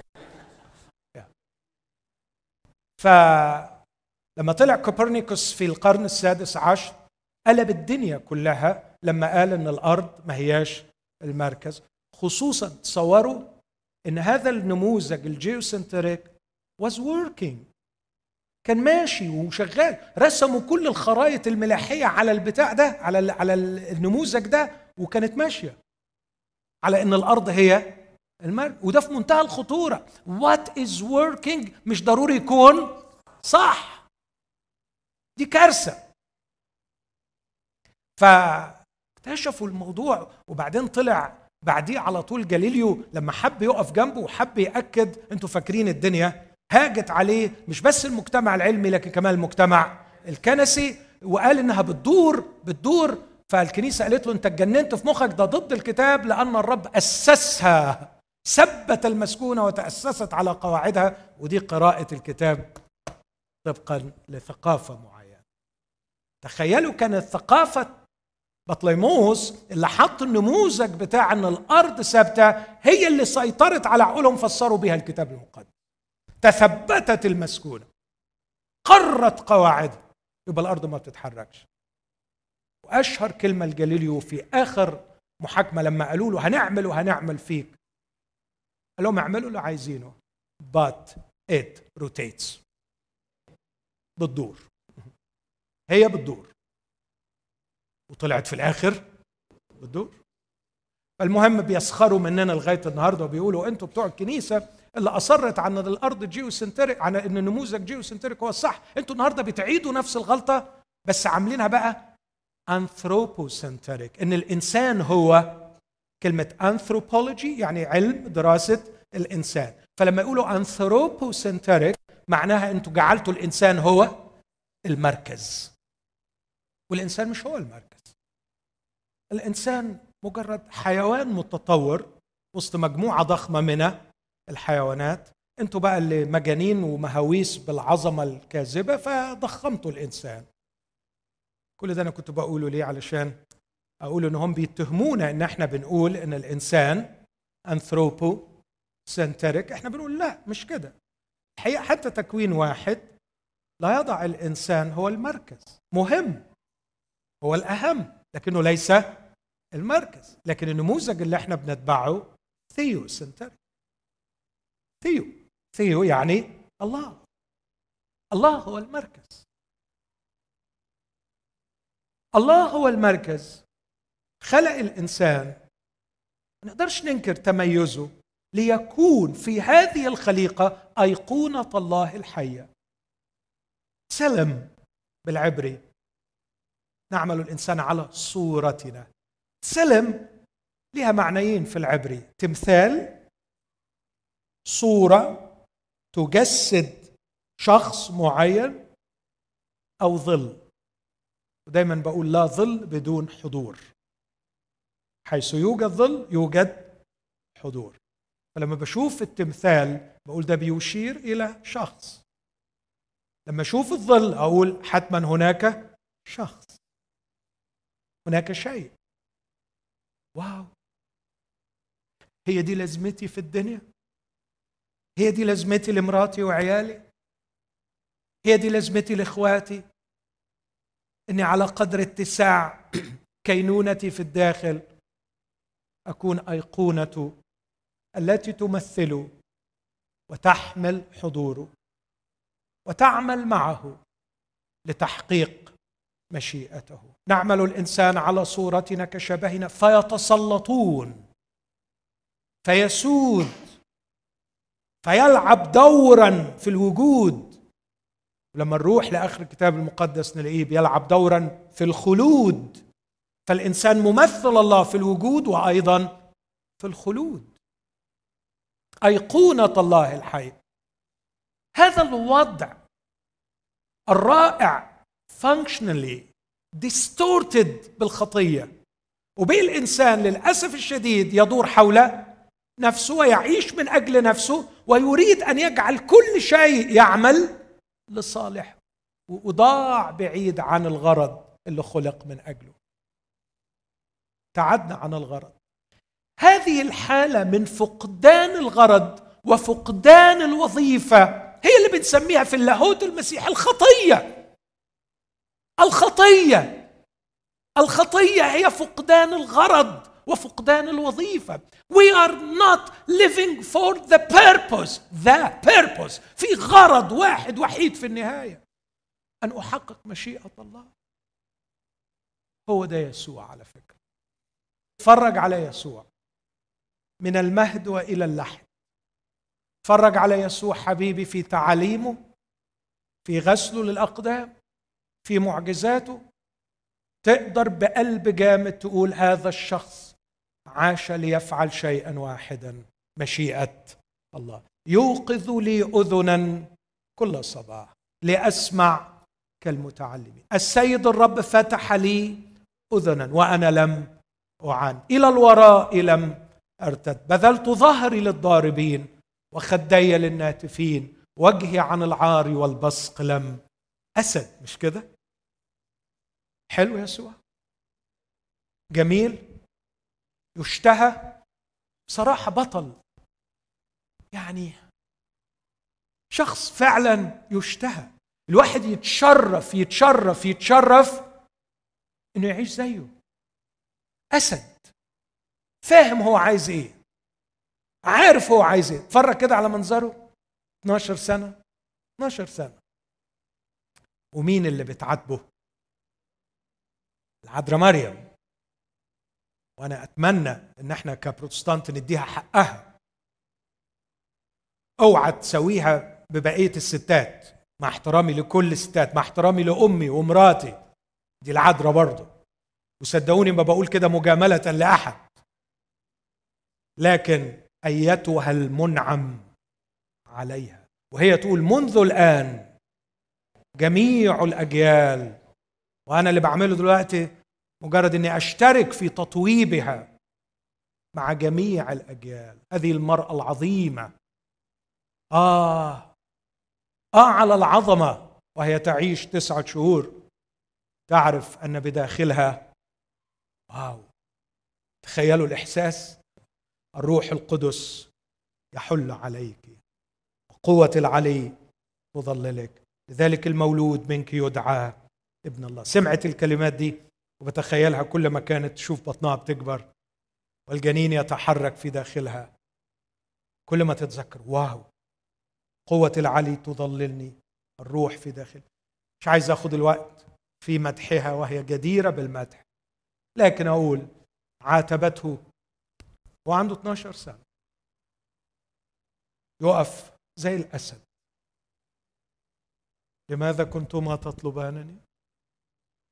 اللي دوروا عليه اللي تاه. أنا ما تهتش. أنتوا اللي تهتوا. ألم تعلم أنه ينبغي أن أكون فيما لأبي بجد كده تخيل ابنك 12 سنة بيرد عليك رد زي كده. بجد. بجد بجد. قول لي إحساسك إيه؟ قول لي إحساسك إيه؟ أنت متخيل الشخصية دي؟ هذه المرأة العظيمة المطوبة. كانت تحفظ جميع هذه الأمور. متفكرة بها في واو! مين ده؟ شخص بحبه فعلا؟ لأن عقلي نضف That's it. That's it. بحب المسيح مش لأني يعني صراحة هو مجرد ما عقلك ينضف هتلاقي روحك بحب في يوم من الأيام ودي من أكتر الحاجات اللي بتبهرني فيه كان يا أخي متخصص يشفي يوم السبت. طب ليه؟ ليه جر الشكل؟ ما أنت عارف هم ما عندهمش حاجة في دنيتهم بيدوروا حواليها إلا حكاية خلاص بقى ابعد عن السبت. هو بقى يعني فعلا تزنق معاه ما يشفيش غير يوم وبعدين لا مرة ولا اثنين ولا ثلاثة ولا عشرة ولا نوع ولا اثنين معظم الم... وفي أماكن مختلفة خلاص يعني ففي مرة سنة أنت إزاي تعمل كده؟ طب بلاش بلاش إنك شفيته يوم السبت. يا أخي اشفي يوم السبت؟ ومشي الموضوع. هو الراجل ده اللي ليه 38 سنة. يعني قصة غريبة فعلا. 38 سنة عيان. حبكت تشفيه يوم السبت؟ على فكرة على فكرة على فكرة. الراجل ده لو قعد 38 سنة ويوم ما كانش هيزعل أبدا. خالص. أنت على فكرة ممكن تيجي يوم الحد وتشفيه والراجل مش هيشتكي ومش هيقول لك ابدا أنت اتأخرت ليه وجيت الحد ليه ما جيتش ليه امبارح. مش هقول لك كده ابدا. تعالى بكرة. لا يروح ليوم السبت. طب خلاص زنقت إنها يوم السبت. خلي الموضوع في الخفة كده والدرة. ما تعمل لناش فضيحة. لا احمل سريرك. طب إيه لازمة بقى حمل السرير دي؟ مش بجد دي حاجة مثيرة يعني؟ إيه رأيك يا باسم؟ ملاش لازمة يعني. يعني ليه طيب يشيل السرير؟ طب ما أنت طب أنت أنت غاوي شكل وهتقع في مشكلة معاه تشيل الراجل مشكلة ليه؟ أو كده هو لما هيشيل السرير هيمسكوه هو كمان ويقولوا له. أنت عامل عامل خطية. ده زمان اللي حطب يوم السبت قتلوه. فأنت بتعمل مشاكل. فجابوه. إزاي تعمل العملة السوداء دي؟ بصوا الردود. صدقني شيء بديع. لهم يا جماعة أبي يعمل حتى الآن وأنا أعمل. لا يقدر الابن أن يعمل من نفسه شيئا إلا ما ينظر الآب يعمل. لأن الآب يحب الابن ويريه جميع ما هو يعمله. يا اخوانا أنا ماليش دعوة. أنا دخلت إلى حضرته. شفته بيعمل إيه؟ شفت قلبه رايح ناحية بركة بيت حزدة. رحت. لا سألت سبت ولا حد مش ده اللي بيحكمني. رحت لقيت خمس أروقة. ترك الأروقة الخمسة ودخل رواقا فدخلت معه. من الرواق وجمهور كثير مضطجع ترك الجميع وذهب إلى هذا الرجل. ذهبت. رأيت الآب يريد أن يقول له قم واحمل سريرك. فقلت أنا لست أعمل من نفسي شيئا. من أربعة جاء التلاميذ وتعجبوا أنه يتحدث مع امرأة حديثا طويلا طويلا طويلا ممتعا بديعا. قالوا له تعالى كل. قال لهم لي طعام آخر. لستم تعرفونه أنتم. طعامي. أن أعمل طعامي هنا بمعنى استمتاعي وغذائي في هذه الحياة. هو الغرض اللي أنا اللي أنا كإنسان مخلوق من أجله. مفهوم الخلاص الحقيقي هو عملية restoration لل function ال function ضاعت يا جماعة. لم نعد نعمل مشيئة الله. أصبحنا نعمل مشيئات الجسد والأفكار. ال function بتاعتنا ضاعت. إحنا عايشين functioning ليس function إحنا مش عاملين الوظيفة بتاعتنا. مش متممين الوظيفة بتاعتنا. ليه؟ لأنه بنعيش في الخطية. ما هي الخطية؟ من الفعل أخطأ. ما هو الفعل أخطأ؟ ما معنى أخطأ؟ لم يصب الهدف خلاص. بنصوب غلط بننجل غلط. بنعمل حاجات كتير بس مش الفانكشن بتاعتنا. بنحب غلط. بنكره غلط. بنغضب غلط. بنفرح غلط. تخيلوا؟ صدقوني. إحنا مش بنعمل ال function بتاعتنا. مشروع الخلاص الإلهي هو استعادتنا. لل purpose لل function عشان أعيش بحقق الغرض اللي أنا اتخلقت من أجله. ممثل لله حامل لحضوره احقق مشيئته أعيش كل يوم أبانا الذي في السماوات.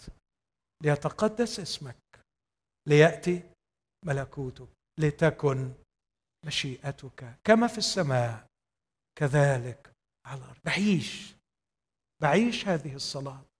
وماذا عن احتياجاتي؟ خبزنا كفافنا أعطني اليوم. وماذا عن علاقاتي؟ واغفر لي ذنوبي كما أنا أغفر أيضا للمذنبين إلي. وماذا عن صراعي مع الأرواح الشريرة ومع إبليس؟ لا تدخلني في تجربة لكن نجني من الشرير. لأن لك يا أبي الملك والمجد والقوة. هذه هي العيشه المسيحيه هذه هي المسيحية. ببساطة شديدة. أعيش ليتقدس الاسم أي ليظهر جمال الاسم من خلال شخصيتي. ليعرف الناس الله الحي الحقيقي. ليتقدس اسمك. ليعرف الناس حقيقة اسمك. Who are you مش بكلام بقوله لكن بعيشة. ولكي يأتي ملكوتك. ولكي يأتي ملكوتك لابد أن تكون مشيئتك وسأعمل مشيئتك كما في السماء كذلك على الأرض. هو ده النموذج اللي عاشه يسوع. فلما بقول أنا أتغير إلى تلك الصورة عين أنا عايز صورة المسيح. أنا عايز أعيش أعمل مشيئة الله في حياتي. هذا هو مفهوم الخلاص. ده اللي ضاع بالخطية ده اللي بيرجع بالفداء. عشان كده بقول النموذج نموذج الخلق نجده في تكوين واحد. من هو الإنسان؟ What does it mean to be human? عايز تعريف المنظر الظاهرة دي الظاهرة اللي اسمها الإنسان تعرفها تكوين واحد. نعمل الإنسان على صورتنا كشبه بس المنظر ده الصورة دي تشوهت في تكوين ثلاثة رجعنا نشوف النموذج من أول وجديد في الأناجيل الأربعة. في نهاية الأناجيل يموت يسوع لكي يسترجع الصورة. في بداية سفر الأعمال يأتي الروح القدس ليخلق فينا الصورة. ادي الخلاص المسيح. الخطية الخلق السقوط التجسد الفداء مجيء الروح القدس. كل ده علشان الصورة ترجع. اختزلنا القصة العظيمة دي كلها إلى تعامل مع الجلد ومع الخوف. أنا عندي شعور بالذنب بسبب النجاسة والخطايا اللي بعملها وعايز بس ال sense of forgiveness كده أحس إن ربنا عمل إيه؟ ها؟ غفر. وكمان أنا خايف من مصايب الدنيا فعايز قوة كبيرة تمشي معايا علشان تتستر معايا لغاية منين ما اتزنق في حاجة أصلي فهو ده مفهوم الخلاص. عند آلاف مننا جوه الكنائس أعضاء في الكنائس منتمين للكنائس يظنوا أنفسهم مؤمنين وخلاصهم الذي حصلوا عليه لا يزيد عن اللي قلته ده. مجرد علاج الشعور بالذنب والشعور بالخوف. لاحظ الكرازة بالإنجيل بتركز على إيه؟ تخويف وإشعار الناس بالذنب. وكأن المسيح من أجل الجلد ومن أجل الخوف فكل شاعر بالذنب وكل شاعر بالخوف بنقدم له المسيح. تاخذ المسيح علشان ما يبقاش عندك شعور بالذنب ما يبقاش عندك شعور بالخوف. في إحدى جامعات بوسطن مش هقول اسمها كتبوا ال sign دي. المسيحية هي عبارة عن حل لمشكلة الشعور بالذنب الجلد. ولأننا نبحث عن مجتمع healthy من الناحية النفسية فلا نريد أن يكون الطلبة يشعرون بالذنب لأن المسيحيين يخلقون فيهم الشعور بالذنب لكي يروجوا لإيمانهم لأن المسيحية هي كلها عبارة عن علاج للشعور بالذنب فلا مكان للمسيحية في جامعتنا No place for Christianity in our university. لأن المسيحية هي عبارة عن مجرد علاج للشعور بده. يا خاطي! أنت شرير وفاسد. تعال للمسيح علشان ما تروحش جهنم. طبعا ما فيش بني آدم على وجه الأرض ما بيشعرش بالذنب. أذكر كتاب من كتب الطب النفسي كان في فصل كامل اسمه The Concept of Sin.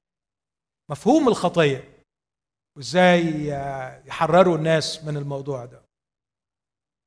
لأنهم اختزلوا مفهوم الخطية إلى مجرد الشعور بالذنب. لا مفهوم الخطية أعمق هو عدم تحقيق الهدف اللي أنا خلقت من اجله تعال بقى اتكلم في مجال الفلسفة وفي مجال علم النفس عن غرض الحياة معنى الحياة هدف الحياة وتفرج إزاي ضايعين. يقول لك يس إحنا عايزين نسمع عن دي عايزين نعرف دي. طب قول لي فين المعنى وفين الهدف؟ الملحدين المخلصين قالوا لا معنى ولا هدف إحنا عايشين بلا معنى وبلا هدف. إحنا محتاجين مفهوم صحيح للخلاص. يركز على استرجاع الشخصية الإنسانية للغرض الذي خلقه الله من أجله. لو عايز نموذج كتابي للخلاص في صورته الصحيحة أعتقد أفسس اثنين رائع جدا.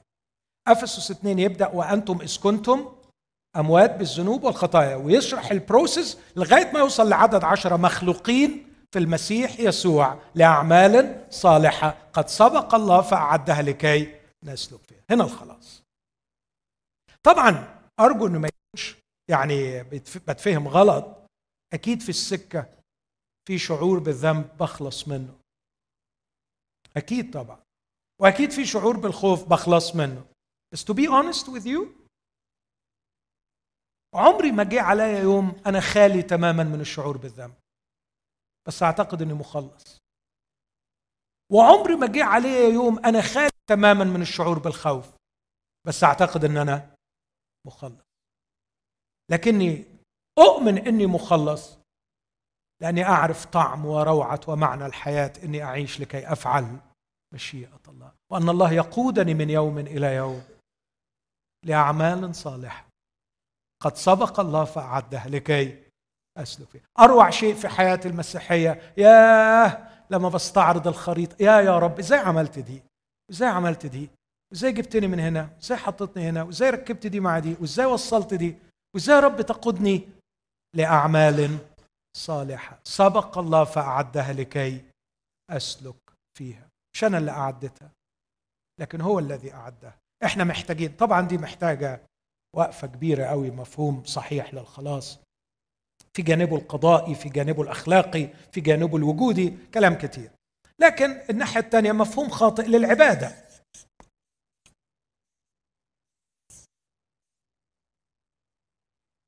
برضو هنا اختزال العبادة إلى قضاء ساعة في مكان سمي مكان العبادة.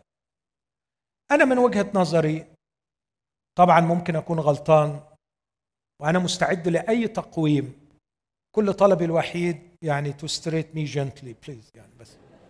يعني ترفقوا بيا وأنتم بتقوموني. في ناس بتبقى صعبة شوية يعني. على فكرة أنا بغلط كتير ده من الآخر كده. يعني أنت ما ما ما, ما, ما تخافش يعني. يعني ممكن تدخل معايا من الأول وأنا من الأول مسلم إن أنا ممكن أكون غلط. فمفيش مشكلة خالص. بس أنا مفهومي في العهد الجديد إنه إحنا هودنا المسيحية مرة أخرى لما حصرناها في مكان. بينما المسيح هدم هذا المفهوم من أول لقاء رائع لما قال لها تأتي ساعة وهي الآن. لا في أرش... لا في هذا الجبل ولا في أورشليم لأنه الآب طالب مش عبادة ساجدين. الآب مش طالب سجود ساعة. الآب طالب ساجدين مرة اقترحت الاقتراح ده بس اترفض. قلت إيه رأيكم نغير فكرة اجتماع العبادة إلى اجتماع العابدين؟ دي فلسفة بقى وفزلكة.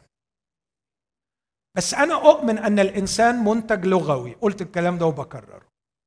لما نقول رايحين اجتماع العبادة يعني ممكن نتخانق في العربية أنا ومراتي عشان رايحين متأخرين وعشان العيال عاملين دوشة في العربية وممكن نقول أي كلام فارغ بس إحنا رايحين مع العباد. فاحنا نعك نعك نعك لغاية ما نوصل على باب الكنيسة نتحول إلى عابدين. يا أخي ما تعرفش إزاي.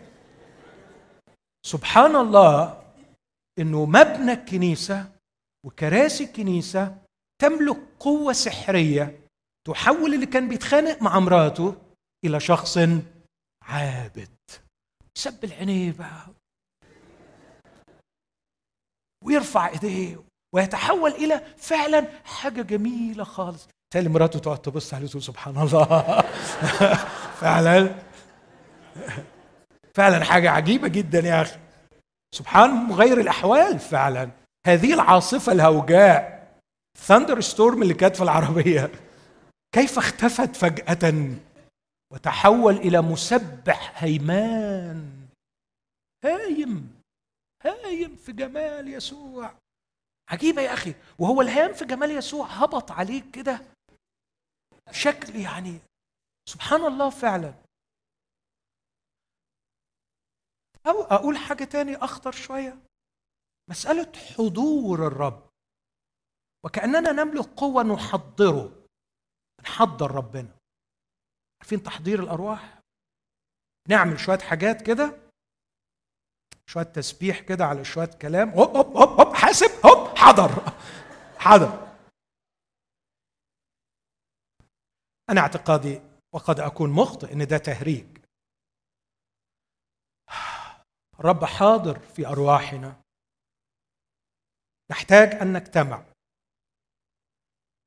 أنا ممكن أقعد فعلا علشان أحمي نفسي من الانتقادات اللي ملهاش لازمة. الاجتماع ضروري جدا. من المهم جدا أن نجتمع معا. لا تتركوا الاجتماع ابدا.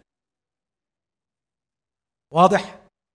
بس الكتاب قال يجتمع العابدون معا. الأب طالب ساجدين. مش الاجتماع اللي بيحولهم إلى ساجدين. هم عابدون قبل الاجتماع. وعابدون في الاجتماع. وعابدون بعد الاجتماع. هم يعيشون حالة عابد.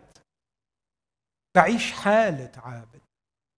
ومش مستني أروح الساعة السبعة في العنوان الفلاني عشان ربنا يحضر. لا لكني أعيش هذا الحضور. لنا ثقة بالدخول إلى الأقداس. لأستمتع بالحضور الإلهي. فين؟ كل مكان. إمتى؟ كل وقت وعندما اجتمع أنا مع أخي مع أختي وعلى قدر ما يكون الحضور ثقيلا في حياة إخوتي على قدر ما يستشعر هذا الحضور. إزاي نحس بحضور ربنا في الاجتماع؟ كتر لي عدد اللي ربنا حاضر في حياتهم بره الاجتماع. وخليهم يجتمعوا مع بعض واتفرج على الاجتماع شكله إيه. اديني اجتماع فيه مية واديني خمسة بس منهم حضور الرب ثقيل فيهم. اتفرج على حل الاجتماع ده. لكن ما فيش سيستم معين يحضر ربنا. ما فيش منهج للحضور. يحضر الساعة كام؟ ولما يحضر يقعد فاني حتة في الاجتماع؟ وحضورك سبق حضورنا ولا حضوره بعد حضورنا ولا بالضبط؟ نحن هياكل تحمل الحضور الإلهي في كل وقت. لكن لكي يسطع هذا الحضور ويتغير الكيان فيتسع لمزيد من الحضور أحتاج لإخوتي نبني أحدنا الآخر نعلم أحدنا الآخر. نشجع أحدنا الآخر نعزي أحدنا الآخر. فهذه الاجتماعات أقول بكل صدق أساسية للغاية ضرورية جدا لأن فيها نبني بعضنا بعضا ونعلم بعضنا بعضا لكي نتسع لمزيد من الحضور. بس عايز أقول لكم يا حبايب إن اللي محتاج حضور الله مش جوه المبنى ده اللي محتاجين حضور الله الناس اللي بره. الناس اللي بره. والمقصود من وراء الحضور الإلهي إنه يحضر أمام العيون اللي ما تعرفتش عليه. المفروض ان يكون عندي ناس مختبرة الحضور الإلهي تروح للشوارع تروح للميادين تروح في الأشغال بتاعتها فيبقى عندي عيادة فيها الحضور الإلهي. وعندي مكتب فيه الحضور الإلهي وعندي محل فيه الحضور الإلهي. وعندي عامل بنزينه يحمل الحضور الإلهي وعندي فراش في مكتب يحمل الحضور الإلهي. هي دي الأماكن اللي محتاجة للحضور الإلهي. مش تلك المباني. مش دي. المباني دي يجتمع فيها حاملي الحضور الإلهي علشان يصقلوا أحدهم الآخر ويعمقوا الحضور الإلهي ويطلعوا حاملين الحضور لبره فعيالي يشوفوا حضور ربنا فيا. مراتي تشوف حضور ربنا فيا عملائي يشوفوا حضور ربنا فيا جيراني يشوفوا حضور ربنا فيا. كان أليشع يمر. يمر. فتشعر الشونمية بالحضور الإلهي. ما راحتش مكان. لكن قالت له بص رجل الله علمت أنه الذي يمر علينا علمت أنه مقدس. أو الحقيقة ممكن تقول مقدس. مقدس. ما كانش فيه المفهوم ده في العهد القديم لكن المفهوم ده موجود في العهد الجديد بقوة إن كل واحد فينا ألستم تعلمون أن جسدكم هو هيكل الروح القدس الذي فيكم الذي لكم من الله. إذا ما تغيرش المفهوم ده أحبائي مفهوم أن العبادة ساعة في مكان طبقا لطقس معين. وخد بقى عندك كم اللاهوت اللي بيدرس في الليتورجيات المختلفة. يا إلهي! يعني تهت تهت تهت. وأنا بتفرج على الفروق بين ال liturgy. عارفين يعني إيه liturgy؟ liturgy يعني عبادة جماعية. فهمت إيه ال liturgy؟ هو ما يؤدى بتفاصيله في الساعة التي تجتمع فيها الكنيسة. تعرف إن الكلمة دي في ال noun اليوناني ما جاتش في العهد الجديد بالارتباط بالمفهوم المسيحي إلا مرة واحدة. noun في كل العهد الجديد. وهي كالآتي. أطلب إليكم أيها الإخوة أن برأفة الله أن تقدموا أجسادكم ذبيحة حية مقدسة مرضية عند الله عبادتكم العقلية. قل لي في الاجتماع إحنا بنقدم أجسادنا إزاي؟ أنا مش فاهمها. إحنا في الاجتماع قعدنا على البنك لما ظهرنا اتكسر. سبحنا لما صوتنا يعني بح. أدينا قدمنا اجساد لا حبيبي. العبادة أن تتحول إلى هيكل. تستخدم. الحضور الإلهي يمتلك كل جسدك. وأنت بتقول له وأنا في الشارع بص يا رب أنا هعبدك. وبنعمتك عهد قطعته قدامك إني أعبدك. إيدي دي مش هستعملها لنفسي. وعيني دي مش هستعملها لنفسي. ولساني مش هستعمله لنفسي. جسمي كله يا رب تحت أمرك. حل يا سيدي حل املأ. بارك الناس. كلم مع الناس. أعبدك. أعبدك بتقديم جسد. بقدمه لك ذبيحة. تفضل استعمله حضرتك. استعمله في الشغل استعمله في العيلة استعمله في أي مكان. أحمل حضورك وأحقق مشيئتك. قدموا ذواتكم لله كأحياء. من الأموات. وأعضاءكم الات بر لله. قدموا قدم. العبادة تقديم. تقديم. اعتدت أن أقول كانوا في العهد القديم يقدمون لله ما يرمز إلى المسيح. على أمل أن تأتي العبادة المسيحية فتقدم لله المسيح. رايت لا نقدم له المسيح. نقدم له المسيح. يعني المسيح حي فيا بيعمل بيشتغل بيتحرك زي ما كان يقول يصنع. خيرا. فالعبادة الناس اللي بتعرف يعني التعريف ده أعتقد إنه معروف في دوائر كثيره ما هي العبادة؟ أن نقدم الإبن للآب. أيوه نقدم الإبن للآب. ده صح قوي. بس تقدم الإبن للآب بمعنى إيه؟ أن يعيش المسيح فيك فالآب يرى الإبن فيك فأنت بتقدمه له.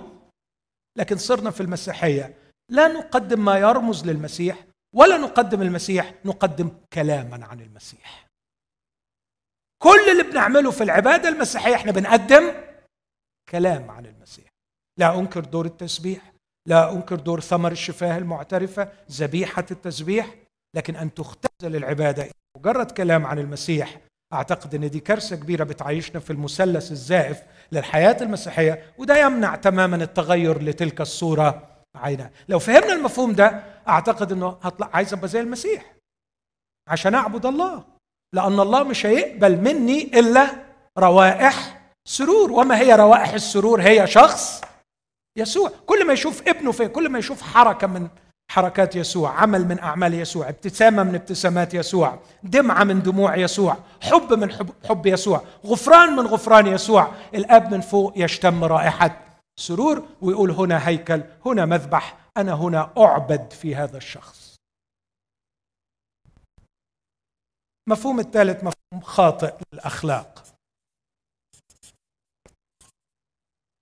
الأخلاق تحولت إلى list من dos and don'ts قوائم من اعمل ولا تعمل اعمل ولا تعمل.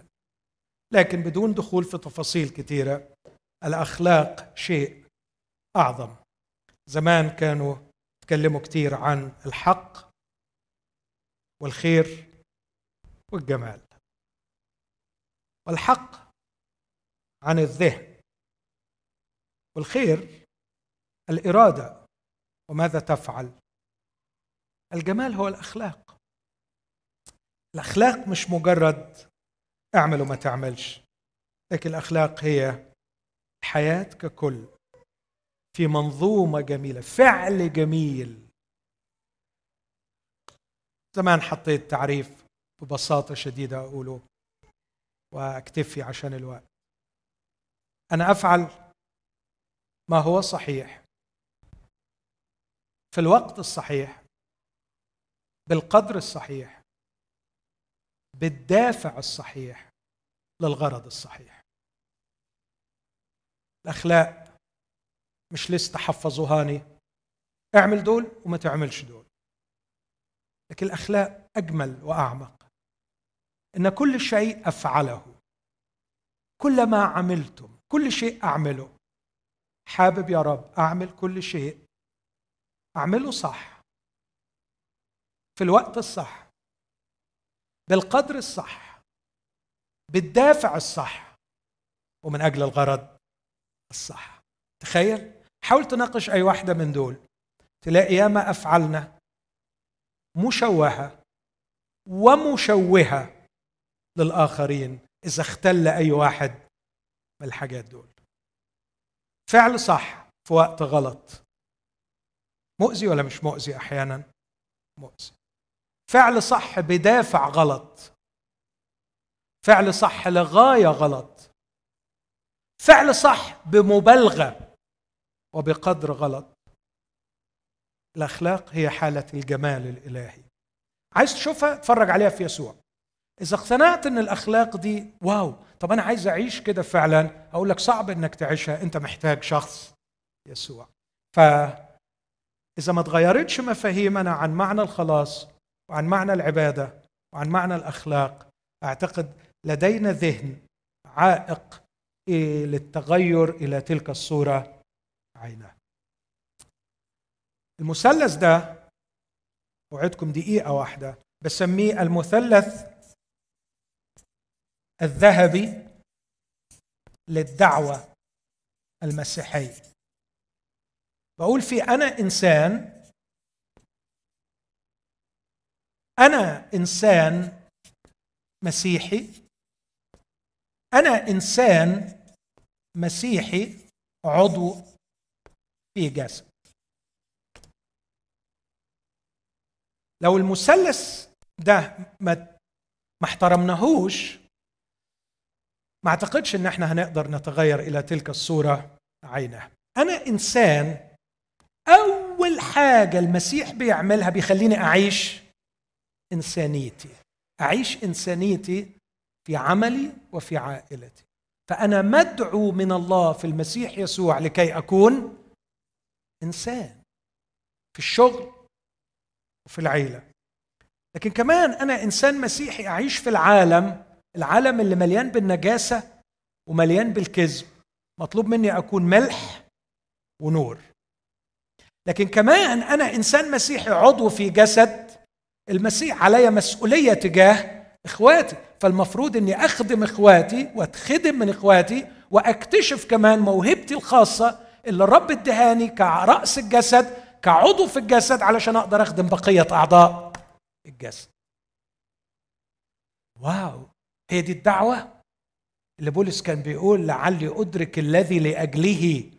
ادركني المسيح آه عشان أعيش الدعوة دي أنا محتاج أتغير إلى تلك الصورة عينها لما تحط قدامي التحدي ده هتخلق فيا شغف رهيب إني أتغير إلى تلك الصورة عينها أنا بشكركم لحسن استماعكم ولطول أناتكم وتركيزكم رغم الوقت اللي طال.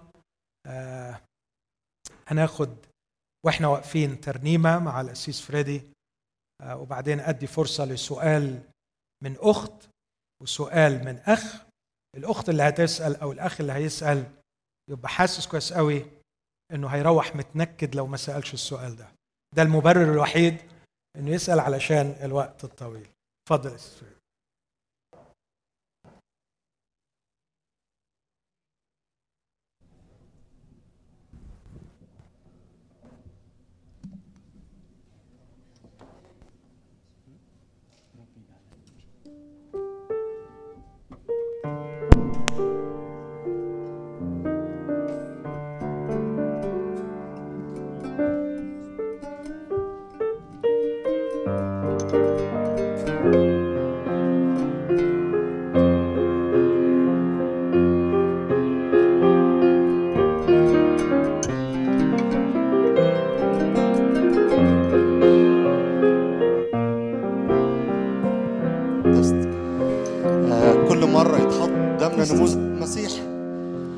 يا كده وشرف ونشتاق نعيش زي كده ون أو مش بقى مش نعيش زي كده لكن يتصور هو فينا فنعيش كده. الكاتب الترنيمه بيقول له كده رب اجعلني أشبه ابنك يسوع واجعل إلهي ملكه بين الضلوع املأني من فيض السلام وارويني حتى أصير في سلوكك يسوع. معروفة؟ تعالوا نقولها كده نقول يا رب حلوة حلو الشبه ده وحلوة الصورة دي. أنا بشتاق لقلبي يلا نقول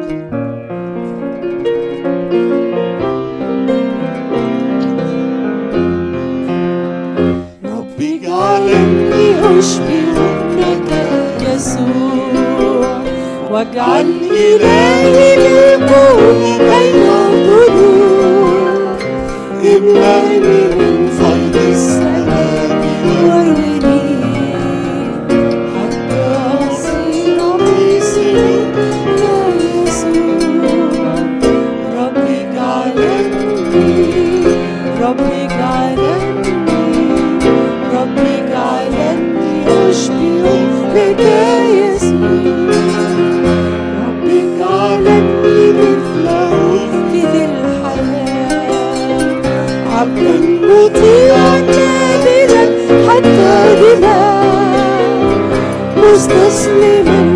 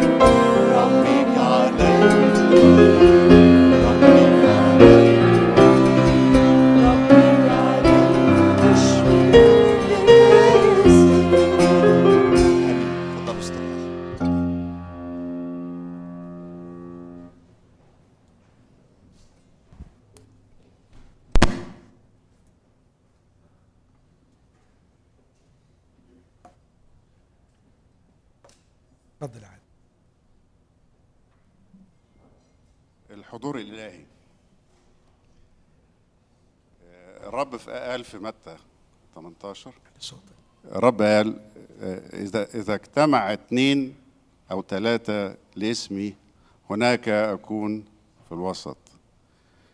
إزاي واحد يحمل الحضور أو اتنين ثلاثة أو إزاي الواحد وحده وهو مش في اجتماع حامل للحضور؟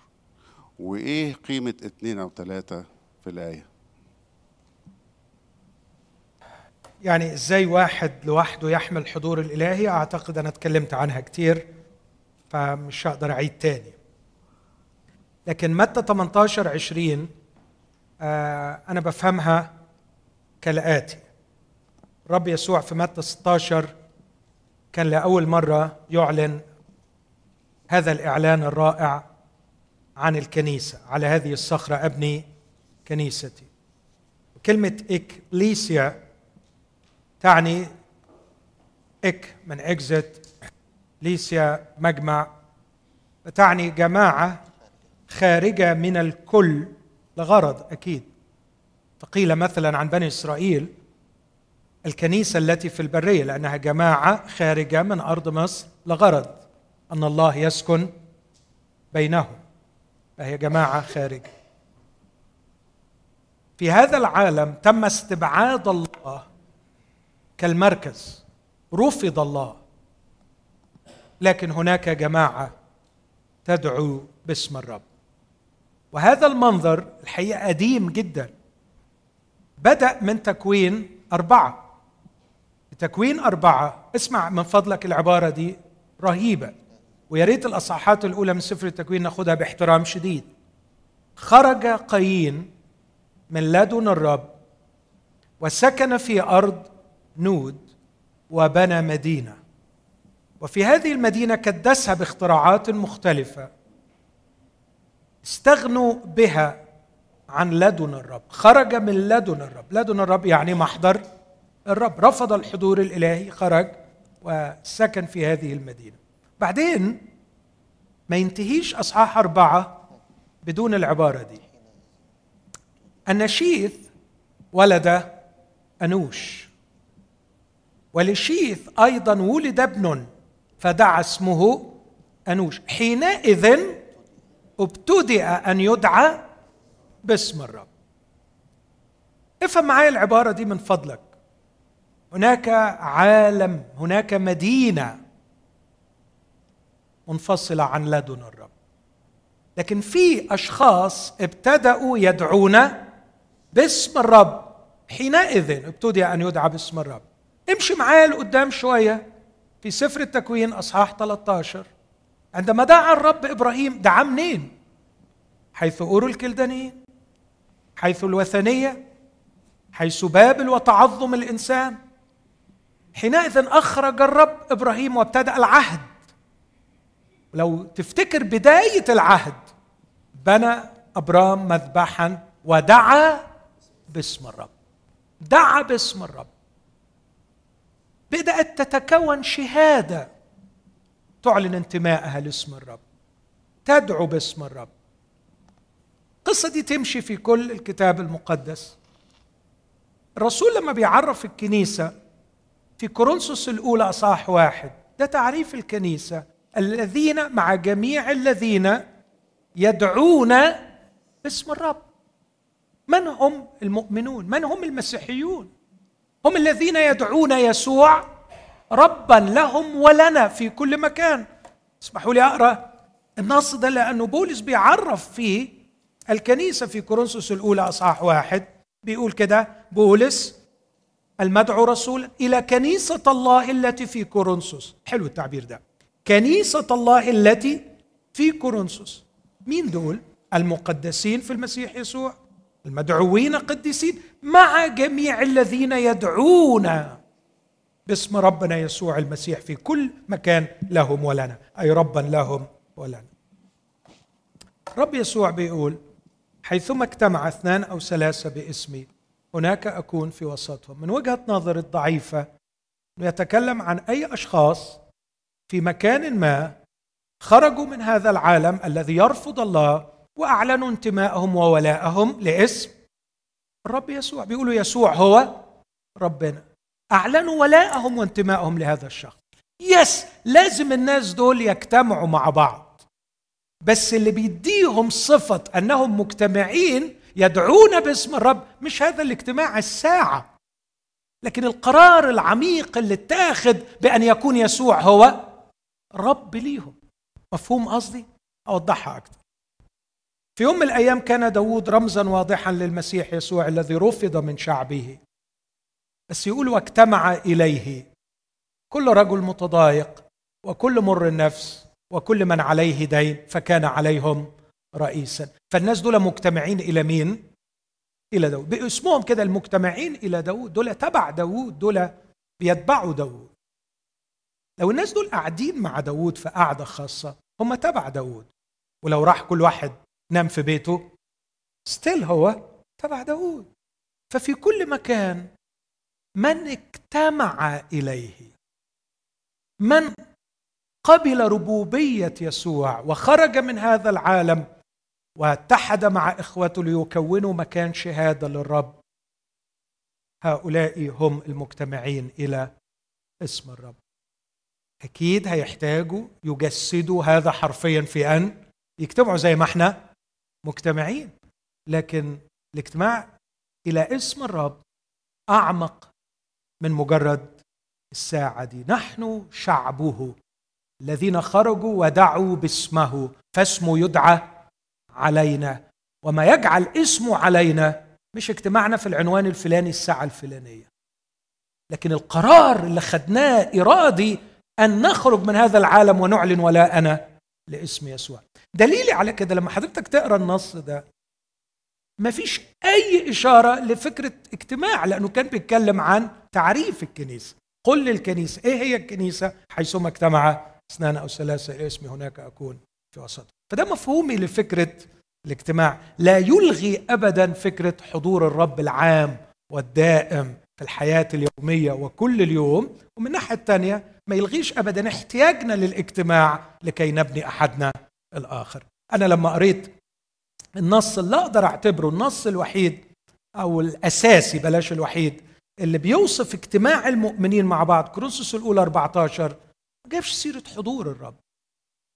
لكن بيقول فليكن كل شيء للبنيان والمنفعة فليكن كل شيء بلياقة وبحسب ترتيب. الناس مجتمعة لكي تبني أحدها الآخر لكن الناس دي جوه الاجتماع حامله حضور الرب وبره الاجتماع حامله حضور الرب. هم كنيسة الله. إذا اجتمعوا وكنيسة الله إذا تفرقوا وذهبوا. ولا إحنا بنكف عن أن نكون كنيسة الله أول ما بنروح بيوتنا؟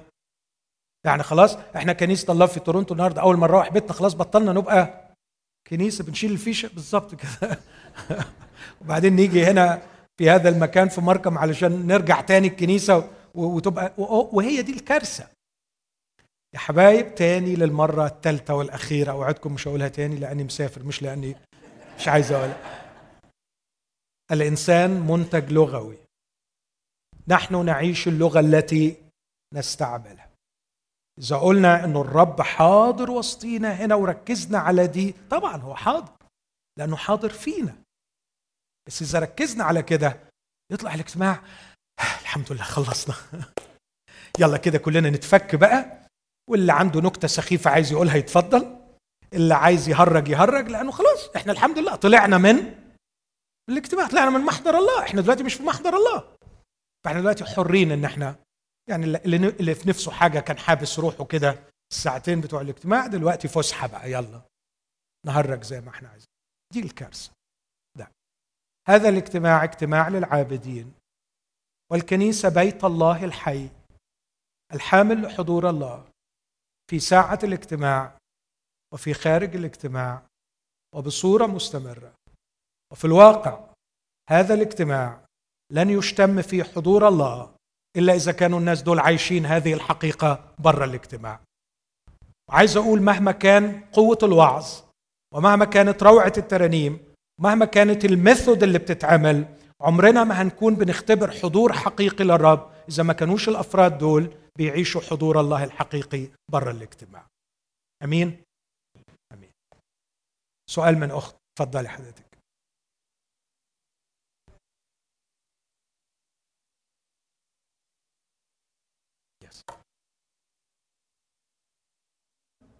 بتاعت ال- النص عشان نعرف هو بيقول لي اجتمع اثنان أو ثلاثة باسمي أكون حاضرا في وسطهم. اسم حضرتك. هزار ضاحي.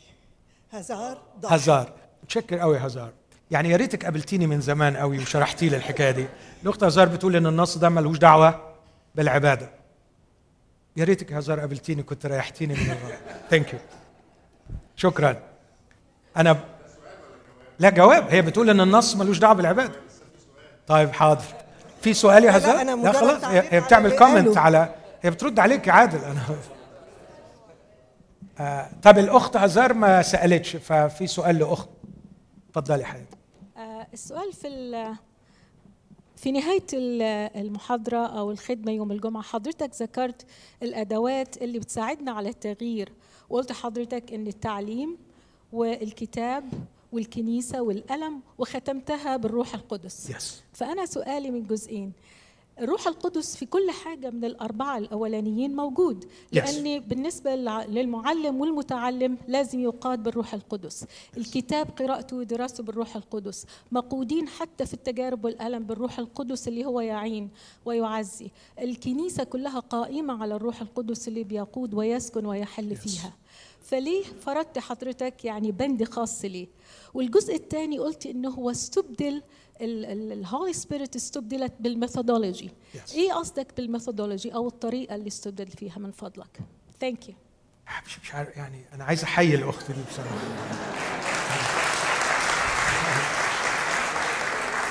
أهو ده اللي أقصده بالظبط. نعم. أشطر واحدة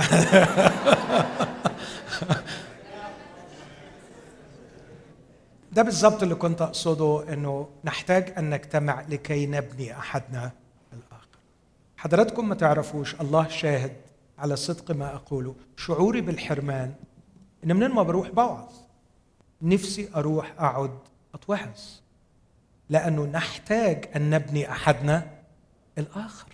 في رؤية في فكر. الأخت العزيزة هزار لأنها آه، بتقرأ ببساطة شديدة النص اكتشفت إن النص ملوش دعوة بالعبادة. أنا كنت محتاج قراءة غير متحيزة للنص علشان أقرأ النص بعينيها فواو أيوه فعلا ملوش دعوة بالعبادة. وبعدين السؤال الرائع بتاع أختنا العزيزة ألطاف. آه، أختنا ألطاف بتقول إن أنا لما حطيت الأدوات حطيت الروح القدس من ضمن الأدوات بس هي شايفة إن الروح القدس موجود في كل الأدوات وأنا موافق معاها 100% بس أنا حسيت إنه في الفترة الأخيرة بقينا بنركز كتير على ال methodology وما بنركزش على قوة الروح القدس. أقصد بمعنى كلامي برنامج 45 يوم بال system الفلاني سيحقق التغير إلى شكل صورة المسيح. ده methodology. yes we need ال methodology بس ما يكونش بديل للروح القدس. ده اللي اللي أص... عشان كده حطيته الروح القدس لوحده. بعض الناس بيتصور إن أنت لو دخلت الاجتماع وعملت الاجتماع بطريقة معينة طريقة معينة مثلا يعني مثلا إنه ما فيش قائد معين مثلا للاجتماع. كده أنت ضمنت إن الروح القدس هيشتغل no no ألف no ده methodology لكن قيادة الروح القدس إني أكون مقتنع للنخاع للنخاع أن الفشل الذريع من نصيبنا إذا لم ننقاد بروح الله. فأبقى براجع نفسي مئة مرة منتظرا قيادة الروح القدس. وأتعلم من أخطائي. مرات كثيره تصورت إن ده قيادة الروح القدس واكتشفت إنها كانت مشاعري الشخصية. النهارده كنت بسأل ولاد أخويا الصبح قاعد معاهم لوحدي فبقول لهم إيه أفضل؟ to do what is good or to do what makes you feel good فواحد فيهم اختار to do what is good الثاني قال لا to do what makes you feel good وكان متروحن شوي فبقول له ليه قال because what I feel I feel it by the Holy Spirit قلت له يا سلام يعني عايز يستنصح عليا قلت له how do you know ان what you feel is what you feel by the Holy Spirit. معظمنا عايش هذه الطفولة الروحية. ان what I feel I feel it by the Holy Spirit. وفي الحقيقة هو ال spontaneity ال spontaneity نعيش بتلقائية. ونفكر إن التلقائية بتاعتنا دي هي. أنا حاسس كده بالروح القدس. إن أقول لك ربنا هيفتح سكة سفر قدامك. وإن ربنا هيعمل. وأنا حاسس كده. أنا حاسس كده إن أنت وش بركة.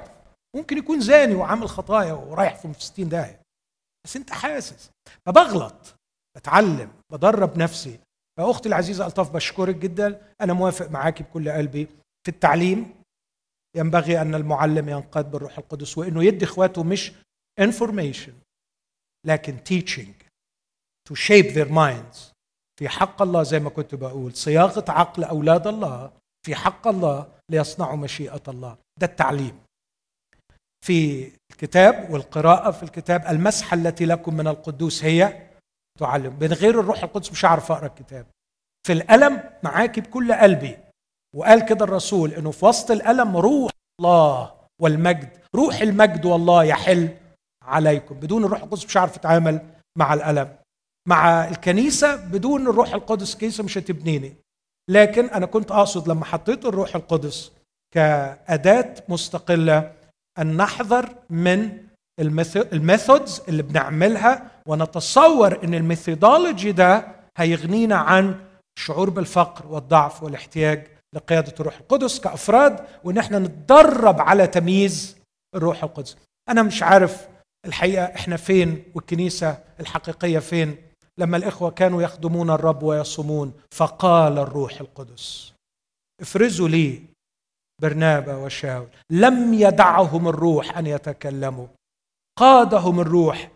فين إحنا من الكلام ده؟ إحنا بنلطش. تعرفي ليه؟ لأنه استغنينا عنه بحاجة أسهل اللي هي ميثودولوجي اعمل طريقة كده واحد اتنين تلاتة وريح دماغك بدل الاعتمادية الدائمة على الله وانتظار إن الروح القدس يحرك.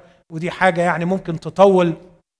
بولس لما راح فيليبي لو تفتكري حضرتك في أعمال 16 حاول حاول إنه يتكلم يقول فمنعهم الروح. إيه الحساسية الجب إيه الاحترام ده؟ هو مش خادم متبرمج منين ما يروح يوعظ. لا منعهم الروح. فخضع لمنع الروح. وبعدين في الآخر خرج يوم السبت لقي شوية ستات قاعدين يصلوا عند نهر. ابتدى يتكلم معاهم. اتأسست الكنيسة في أوروبا. تخيلي؟ الكنيسة كلها في أوروبا تاسست من اللقاء ده لأنه خضع لقيادة الروح. إحنا علشان دي لطعة وجع قلب وانتظار وامتحان نفس وتركيز ريحني واعمل لي ميثود كده واحد اتنين تلاتة ونستغنى بيها عن قيادة الروح القدس. أشكركم جدا.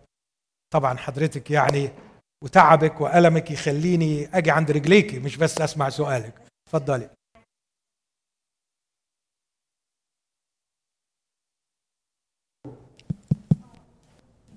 I am a single lady and I'm not married. والرب يسوع بيصححني وبيوجهني فمش محتاجة إني أكون متجوزة عشان أبقى مظبوطة.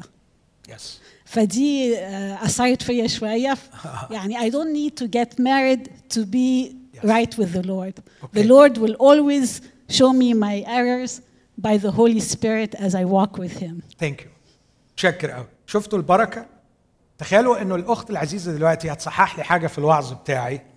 بجد حقيقي هاخد بالي منه.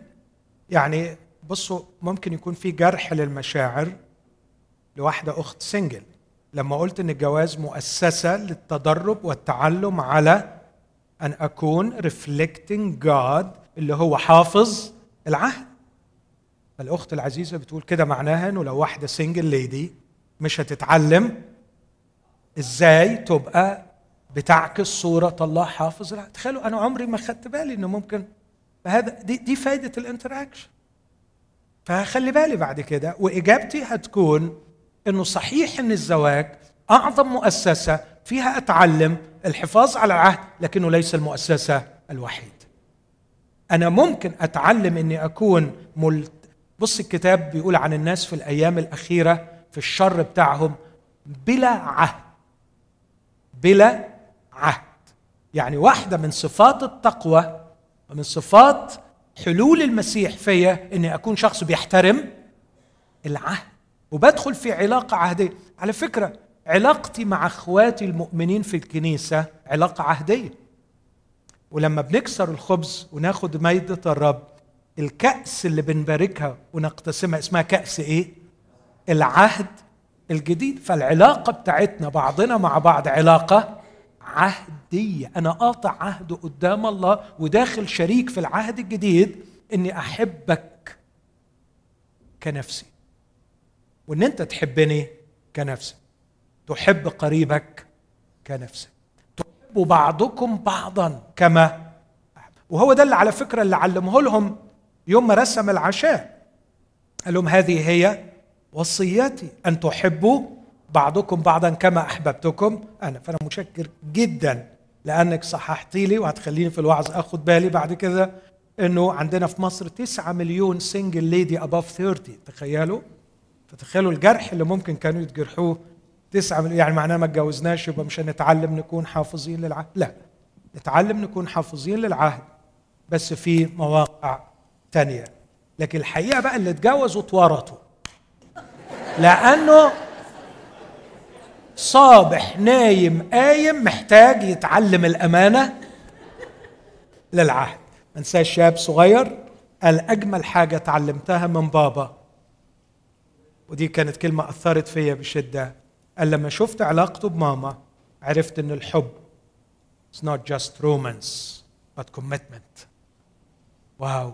رائع إن الولد يتعلم إن الحب is not just romance لكن مرة تاني بشكركم والرب يبارككم. أسيس ناجي.